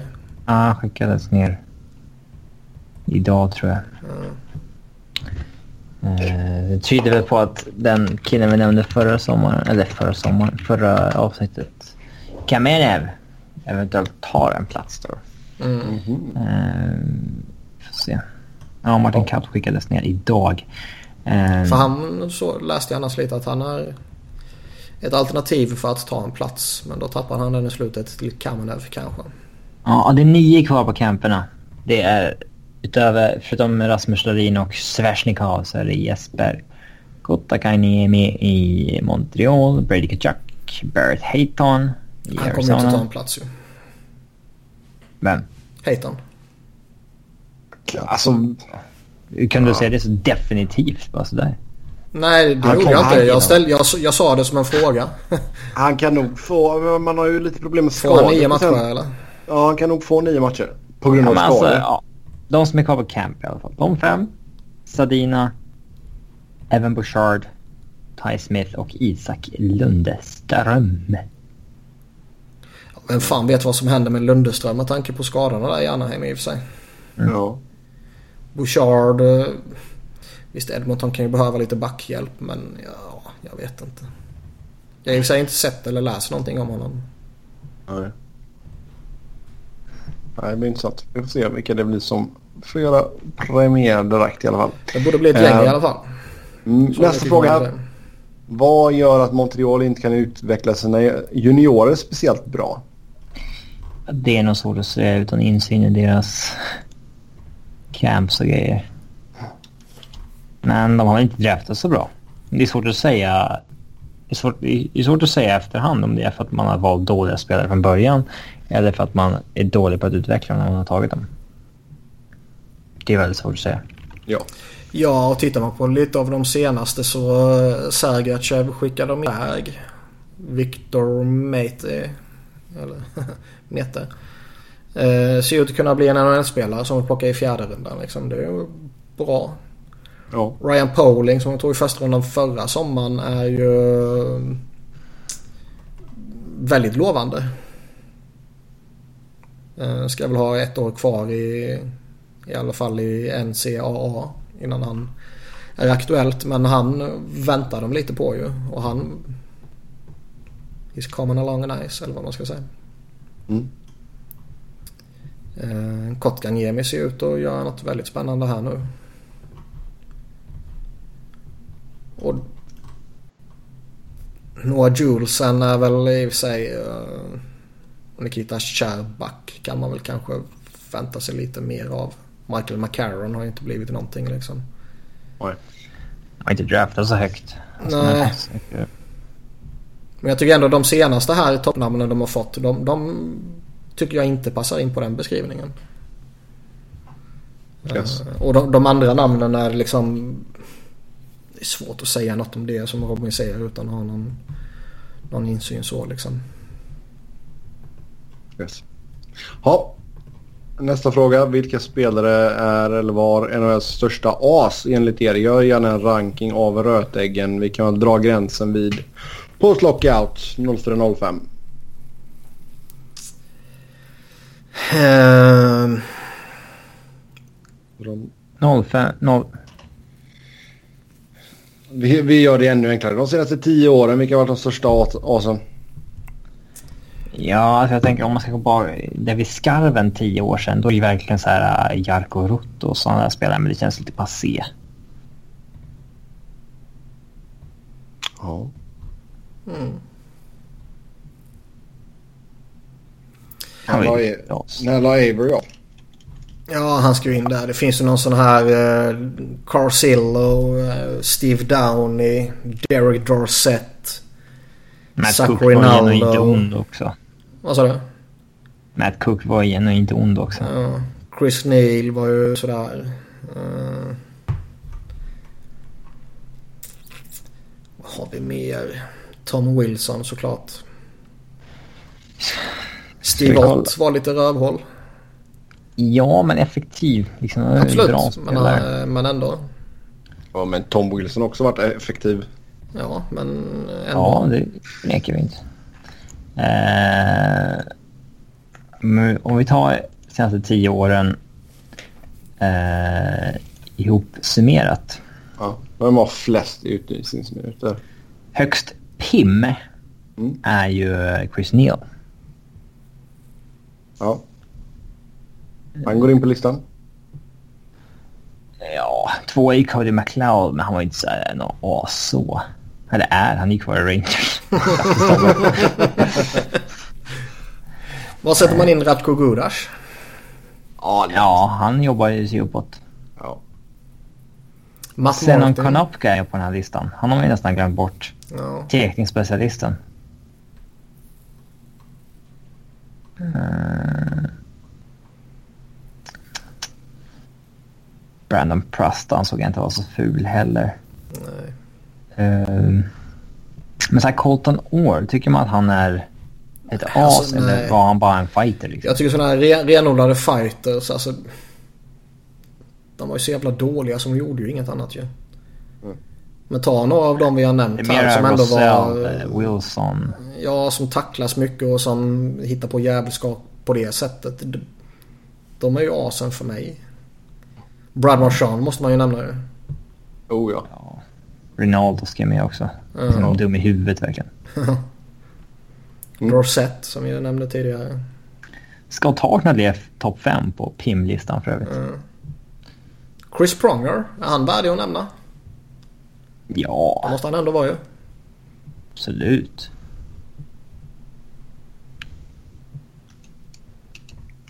Ja.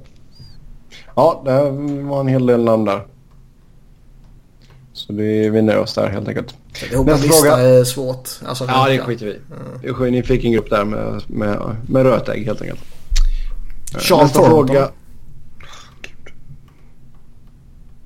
Ja, ja. Alexander Burrows. Mm.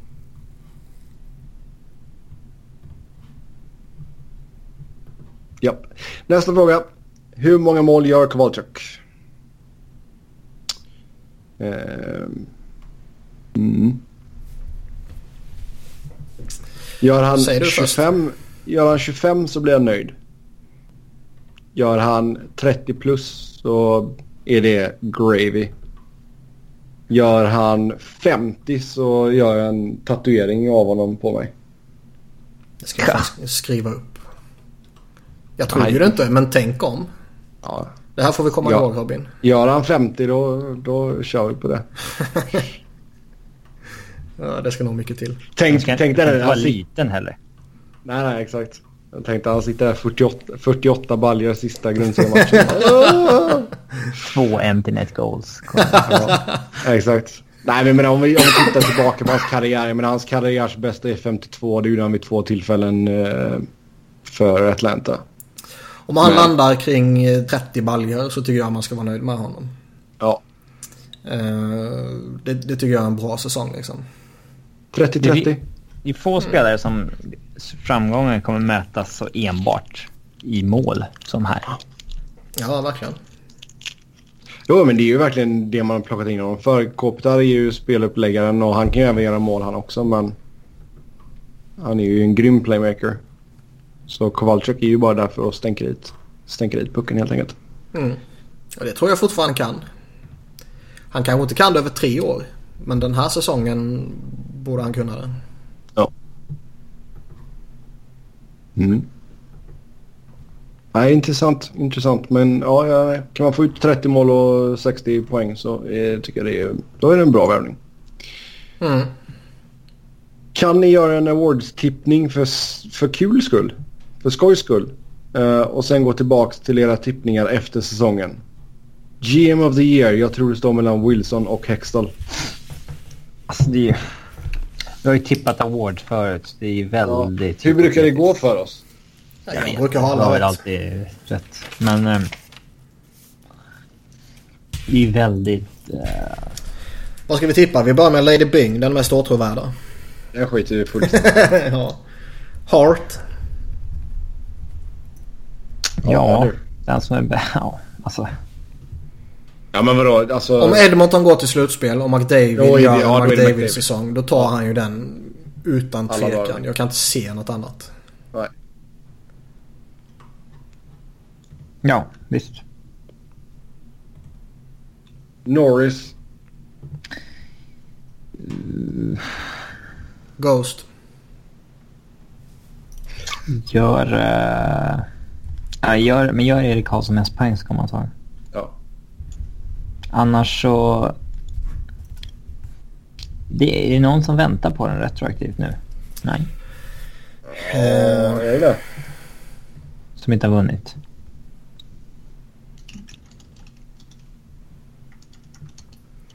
Inte Nej. någon av Gullepojkarna väl? Nej, alltså...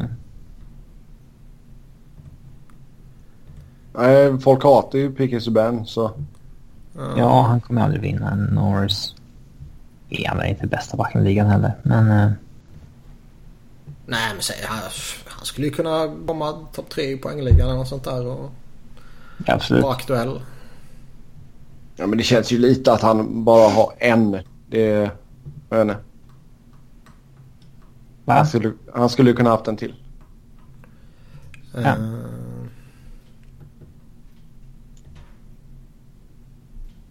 Jag skulle, det, kan, det, är, det är lite långsökt, men jag skulle fan kunna se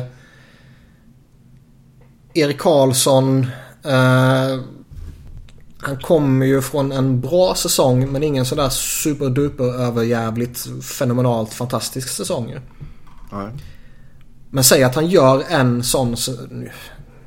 Eh, fan, jag gick in på Ottawas lag jag skulle titta på honom. Det är ju dumt ju. Ja. ja, det är dumt. Men, men tänk, han kan ju göra en sån överjävlig säsong. Om han är frisk och kry liksom. Mm. Och skulle de inte kunna göra ett case för att det är Vlasic som gör honom till den backen? Och det är han Oj. från Norris. Nej. Det ska nog jävligt Kan, kan vi helt... Det ska mycket till, men kan vi helt utesluta det? Ja, Ja. jag tror inte att... Sä, sä, någon, någon skulle, vi skulle kunna se någon dum tweet om det kanske, men inte Ja. att det skulle generera några Norris-röster på riktigt. Jag vet inte alltså. Nej. Säg, alltså han... Det är ju inte helt omöjligt att han får gratispoäng av Karlsson nu liksom. 82 matcher jämte honom. Ja, det är klart han kommer få lite andra assist. Absolut. Ja, men man kan, man kan inte få Norris-röster om man har liksom 20 backar före sig i poängligan. Inte, inte 2018. 2019. Ja, det är- Ja. Jag vet inte fan Nej. alltså. Det var ju jäkligt tajt. Alltså poängracet förra säsongen var ju sjukt tajt. Um, ja, Så jag vet inte. De kanske får för sig att Doughty ska ha den igen. men vem som helst där kan ju sticka upp och ligga fem poäng före resten och då är man ju omedelbart en contender. Alltså vem som helst av uh, Jandal, Barry, Krug, Subban, Ja, de Roast. får man inte vinna hela Norris. Klingberg. Ja, men alltså gör man... Nej, han kan ju klart, helt klart göra flest poäng. Nej, det är synd att Seth Jones blev skadad där. Annars hade jag gärna velat om han fortsätter på den inslagna vägen. Då hade han nog kunnat vara en riktigt stark contender. Om Alex Pietrangelo gör en riktigt fin säsong och han är i toppen av poängligan. Skulle han kunna vara en sån liksom? Nej, nu, Ja, retroaktivt. Men nu, nu inte ska så han få det- det. Ja. Han har inte varit möjligt. där i toppen och riktigt förtjänat det någon gång hittills. Roman Josi kanske? ja. Om man bara försöker hitta någon sådär liksom att nej men nu är det dags för honom. De andra har fått, nu ska vi hitta någon ny. Mark Giordanos dagar är väl över. Ja, det är. Det tror jag. Ja. Nej, det är ju. Karlsson. Det är ju... Ja. Yes, yes, yes. Um, Vezina. Vem är bäst målvakt i år? Connor Hellebuck. Ja, men det ska ju vara något lag som kommer ligga i toppen så att han ackumulerar många wins. Connor Hellebuck. Eh, Vasiljevski kanske? Vasilevski och Con- äh, Helleback är väl de två äh, enklaste alternativen att slänga ut. Ja, Uh, um, Vem vill spela musik? inte jag. jag spelar ingen musik. Ja, nej. Nej. Är din dator. Ehm. kan vi se någon sån där som, alltså, någon här de vanliga Som är med där. Bobrovski, Pekarina, något sånt där liksom. Tucka. Ja. Men Hellerback tror jag på faktiskt. Mm. Yes. Har du något mer? Nej, jag skriver upp han nu. Nej, alltså jag menar någon mer award du vill ta? GM of the year? Calder. Calder kan vara bra att ta ja. Calder känns lite rolig att gissa på faktiskt. Uh, tror vi på LP? Vad, vad måste Rasmus Dahlin göra för att inte få det? Ja, gör han bara 40 poäng så är han något av en besvikelse tror jag för många. Mm. Elias Pettersson som gjort 70. Ja, Svesjnikov skulle väl nämnas också. Mm. Ja, men vi har ju... Man tänker ju alltid årets draftklass. Men det finns ju en del som draftades i fjol som kommer in först i år. Ja, oh ja det vet jag. Eh, som eventuellt... Uh, uh, men känns det inte som att det var ganska bra toppskikt bland rookiesarna förra säsongen? Om du kollar på typ topp 10. Mm. Casey Middlestat. Kanske. Miro Heiskanen kan ju göra succé kanske. Men det känns som att om det är en back så är det Rasmus Dahlin. Annars kan det nog bli Mitchelstadt eller Svesjnikov eller Pettersson. Det känns som att det är de som ligger bäst till för att göra många poäng. Hade ju kunnat inställa på Eli Tolvanen också. Mm. Nu skickades han in ner så det... Ja, den är lite jobbig. Puljujärvi. Han gör en säsong jämte McDavid och landar på 95 poäng. är han fortfarande eligible för Calder? Nej det är han kanske förresten inte. Han har väl kanske gjort för många. Vad är eh, gränsen? Eh, 20... Han har gjort 90, 93 matcher. Typ. Jaha, det är ju för mycket. Han har gjort så jävla många alltså. Ja, många i skymundan. Chockerande många ju. 28 första året och 65 i fjol. Var ändå 65 i fjol. Hur kan han komma ja. upp i... Nej, jag tror inte på de siffrorna. Nej. Gjorde han 65 ja. matcher? Fan, jag är chockad på riktigt. uh, vad har vi mer? Donado. Mm.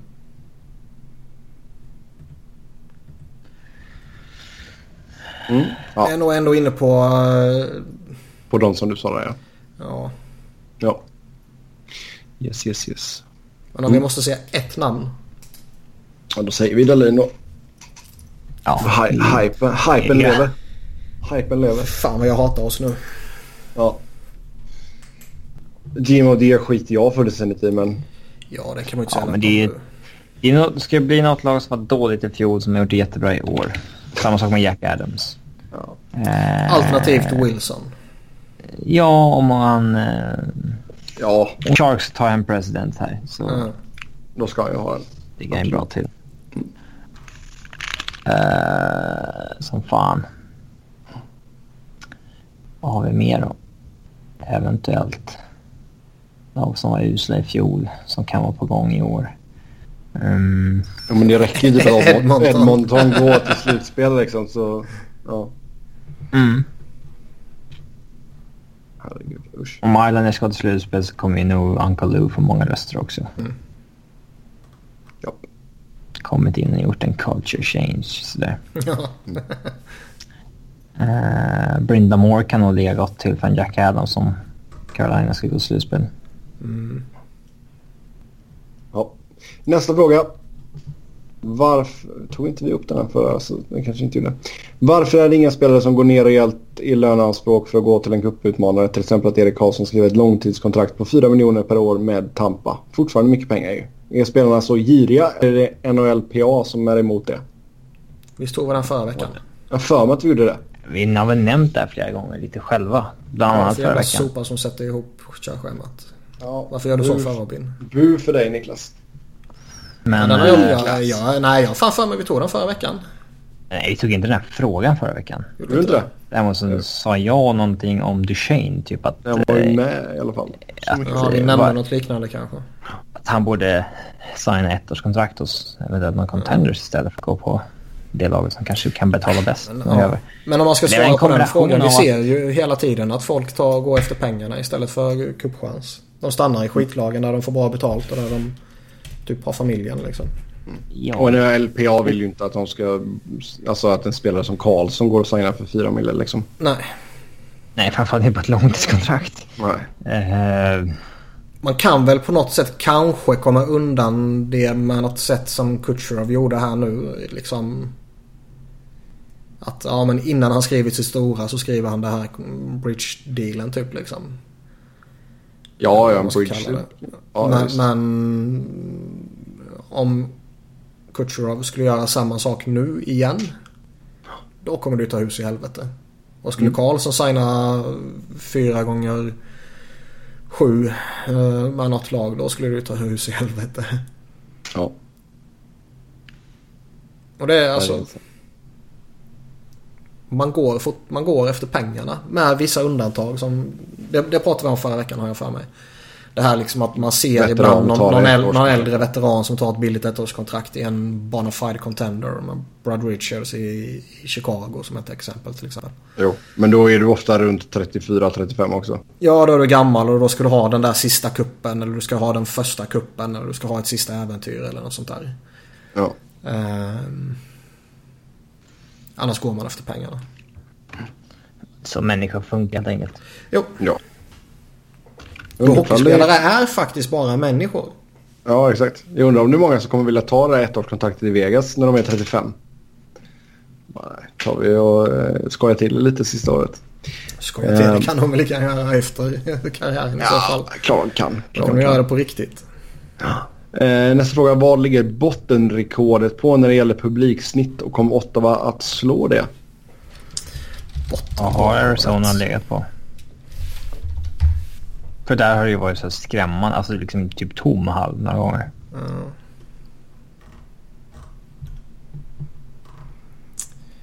Niklas, den här ska du kolla upp innan vi börjar spela in. Varför det? 16, eller vi ska se här. 17-18 hade average attendance så hade Islanders sämst med 12 000. Arizona 13, Carolina 13, Florida 13. New Jersey 15. 16-17 hade Carolina sämst med strax under 12. Arizona hade 13, Islanders hade 13, Devils 14,5, Florida 14,6. 15-16 var Carolina nere på 10 000. För fan vad pissigt. Och sen var det ja, liknande siffror som tidigare.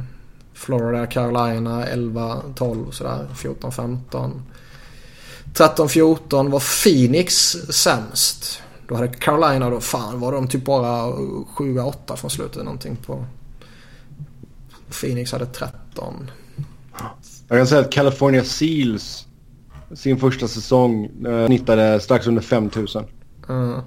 Jo men det är ju långt bak ut i helvete och liksom sämsta någonsin. Det kan ju vara Caps när de var så jävla pissusla när de kom in liksom.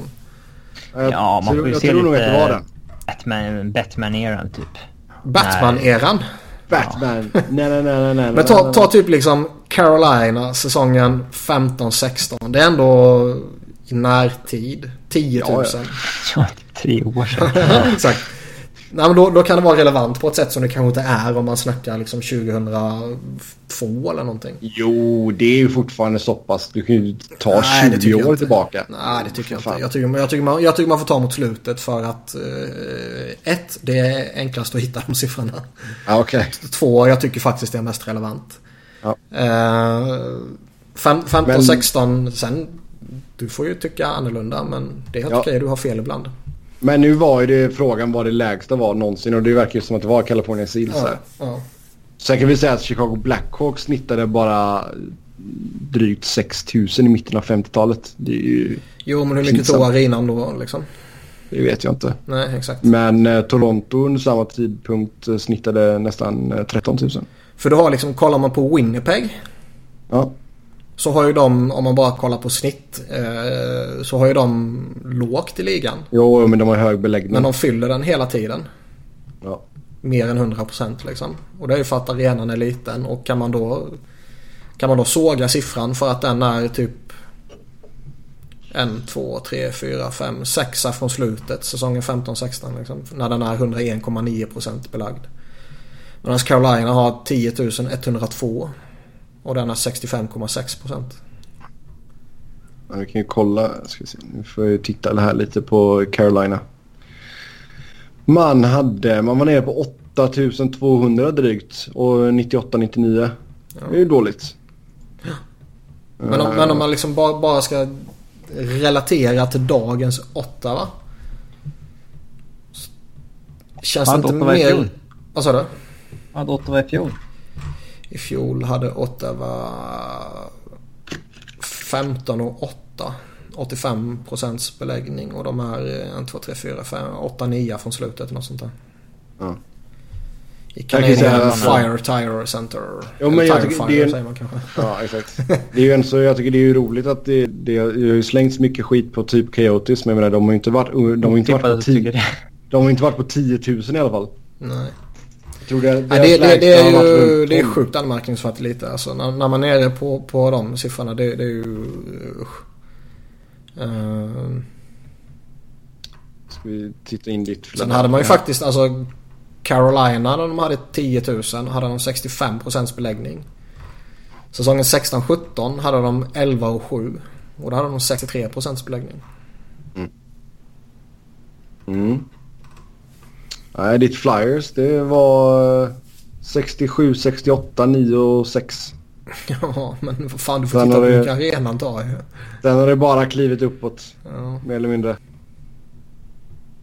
Uh, ja. Men alltså hamnar de nere på eh, de där liksom 10, 11, 12 tusen. Det, det är ju... Det är ju riktigt uselt. Ja.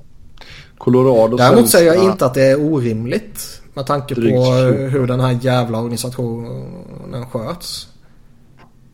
Det, det är ju alltså... Jag ska komma ihåg att Ottawa i fjol kom från en säsong där de hade varit eh, liksom nära final. Ja. De sålde nog en del säsongsbiljetter den sommaren. Och nu jo. är det total kaos. Hela skiten är på väg att brinna ner. Eh, jag såg någon jävla tweet där de jämförde premiär, hemmapremiären då mellan Ottawa och Arizona. Där det fanns liksom avsevärt mycket mer biljetter kvar i Ottawa än i Arizona. Mm. Jag kan ju säga att eh, Senators sämsta notering 94-95. Då snittade man 9879. När sa du? 94-95. Ja, fan. Kan man slå det? Hur mycket var det? Ja. Hur mycket var det? 9879. Oh, nej, alltså nej, fan det kan man inte göra. Alltså vara sämre än det då menar du förstås? Mm. Ja. ja. Nej det kan jag inte.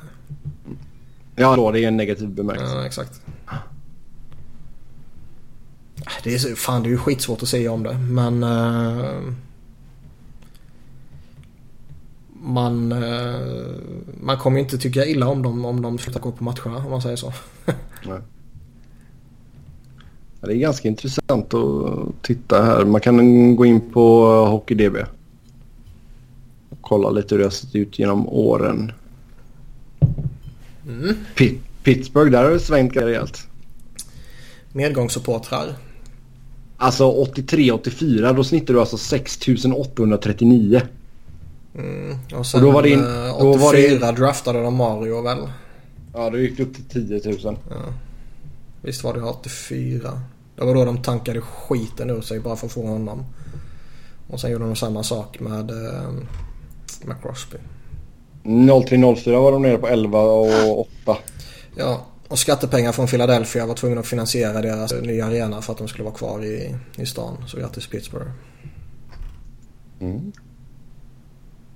Det skulle vara Kansas City Penguins idag. Kansas City Penguins. Ja, det, det låter ju... inte bra alltså. Nej, de kanske skulle ha bytt namn men uh, det var ju i princip klappat och klart. Mm. Yes, vi uh, går vidare. Vilket lag har hittills skrivit sommarens bästa kontrakt? Mm. Har vi någon lista eller? Nej. Jo. Jag tror man kan hitta en transactions-sida på Wikipedia för säsongen. Man kan trycka på date range också på uh, Cup Friendly. Uh, men funktionen verkar vara lite sådär. Uh, mm. Vi går tillbaka till fjärde april då kanske. Signings. Du, du, du,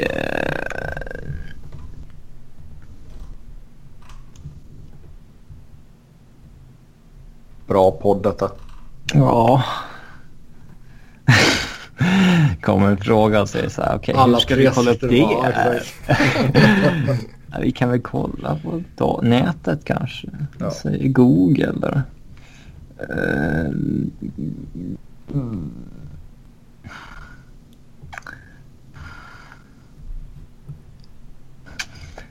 Mm.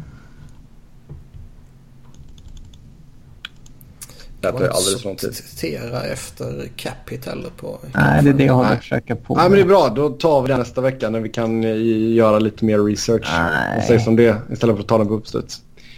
Uh, nästa fråga är väldigt lång. Så uh, håll ut. Rangers har enligt mig två bra backar, Shea och Chattenkirk. Och sen två som är okej, okay, Claesson och McQuaid. Även om McQuaid bara är in just nu för att vi ska bli lite gritty och skaffa leadership så tänker jag på Chattenkirk som nu är 29 och har tre år kvar. Borde man för att vara säker att man får en topp och blir en contender hellre trada till sig en försvarare som är 22-23 nu istället för att drafta en yngre spelare som ett inte kommer kunna bidra direkt, två förmodligen kommer vara bra när Chattenkirk är på väg nerför, tre man vet att de får kvalitet istället för att chansa. Att tappa Chattenkirk och sen och få in en lika bra back hjälper ingenting. Bortsett från capspace att ta in någon annan med lägre. Och man har då bara slösat bort någon säsong. Sammanfattningsvis borde man trada sina första val emot bra spelare redan nu och tappa lite upp där. Men å andra sidan få in spelare som alla kan bidra samtidigt. Jag ja, tycker inte alltså... att de är ett läge där de ska skicka iväg pix. Om det inte är en supertrade man får till. Mm. Alltså en 21-22-åring man vet är på väg att bli någonting, speciellt en back, kommer kosta betydligt mer än ett förstagångsval. Mm. Eh, så att jag tror priset för den, för, liksom, för att få ett säkert kort istället för ett draftval är otroligt högt. En intressant diskussion är kanske snarare om man ska föryngra sig genom att skeppa ut Chattenkirk mot en yngre back.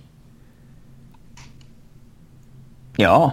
Alltså hitta någon som vill ta Shattenkirk på, på tre år kvar på den här marknaden rimliga 6,65. Om han nu är, är i gott slag mot, efter sin knäskada liksom. Men Shattenkirk mot Shay Theodore. Ja. Ish. Typ. Det, det är ju en intressant diskussion. För den ja. yngre backen som är i det där åldersspannet kommer ju passar ju in lite bättre i liksom den här eh, profilen som de behöver, eller behöver, som de försöker sätta med lite yngre spelare och sådär. Ja. Medan Chattenkirk, han kommer ju hjälpa dem nu och det ska man inte underskatta, det har vi pratat om tidigare. Men när laget ska börja bli bra igen så är då är typ hans kontrakt slut liksom. Jo, det är helt sant. Plus att då är han ganska gammal också. Ja, han är bara något år över 30 då liksom. Men eh, ska han vara kvar ska han kanske signa dyrt och långt. Mm. Vet, han, han, gick dit för att han ville bo på New York och spela i Rangers som var lite slagkraftiga och tog ett, ett för Rangers jävligt gynnsamt kontrakt och sen får han gå in i den här rebuilden. Han kanske inte kommer gå med på ett nytt billigt och, och kort kontrakt direkt.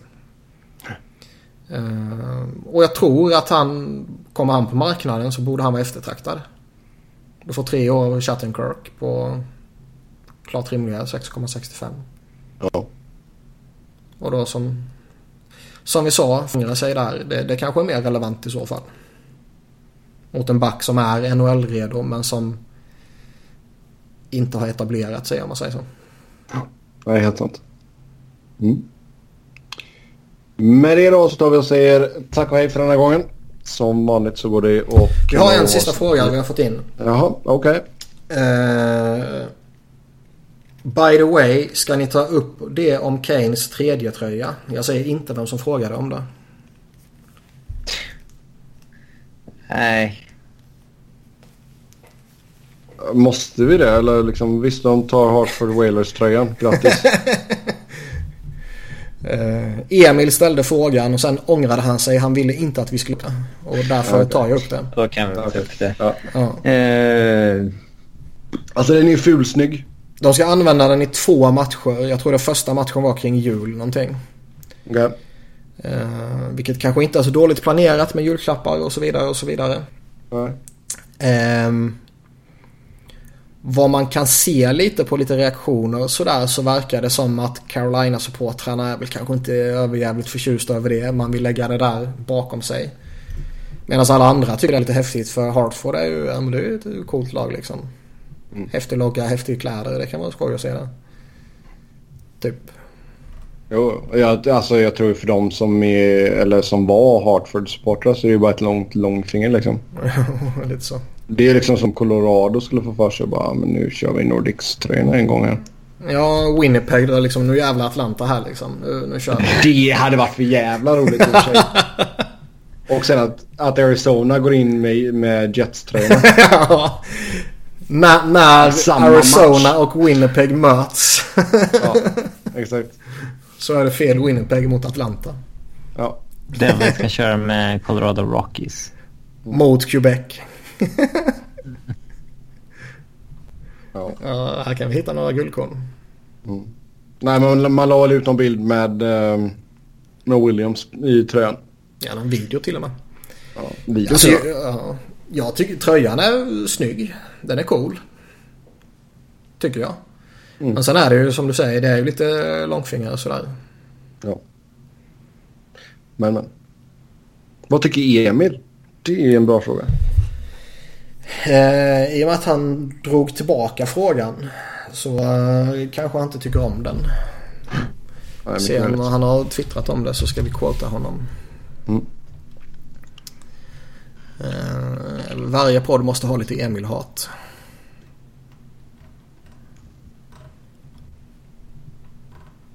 Det blir sån här god dödtid igen. Tröjan är ju snygg, det kan man inte säga något om. Will be weird for sure. Ja. Ja, vi får se om det blir någon succé eller inte. Det var jävligt dåligt skits av honom. Ja. Sen twittrade han om jävla bölkgäng som spelar på Hovet ikväll. Steppa upp sitt game där lite. Ja, med det då så tar vi och säger tack och hej för den här gången. Som vanligt kan ni köta hockey med oss via Twitter. Mig hittar ni på @sebnoren, Niklas på Niklas Wiberg, Niklas C och enkel V, Robin hittar underscore Fredriksson. Tills nästa gång, ha det gött, hej!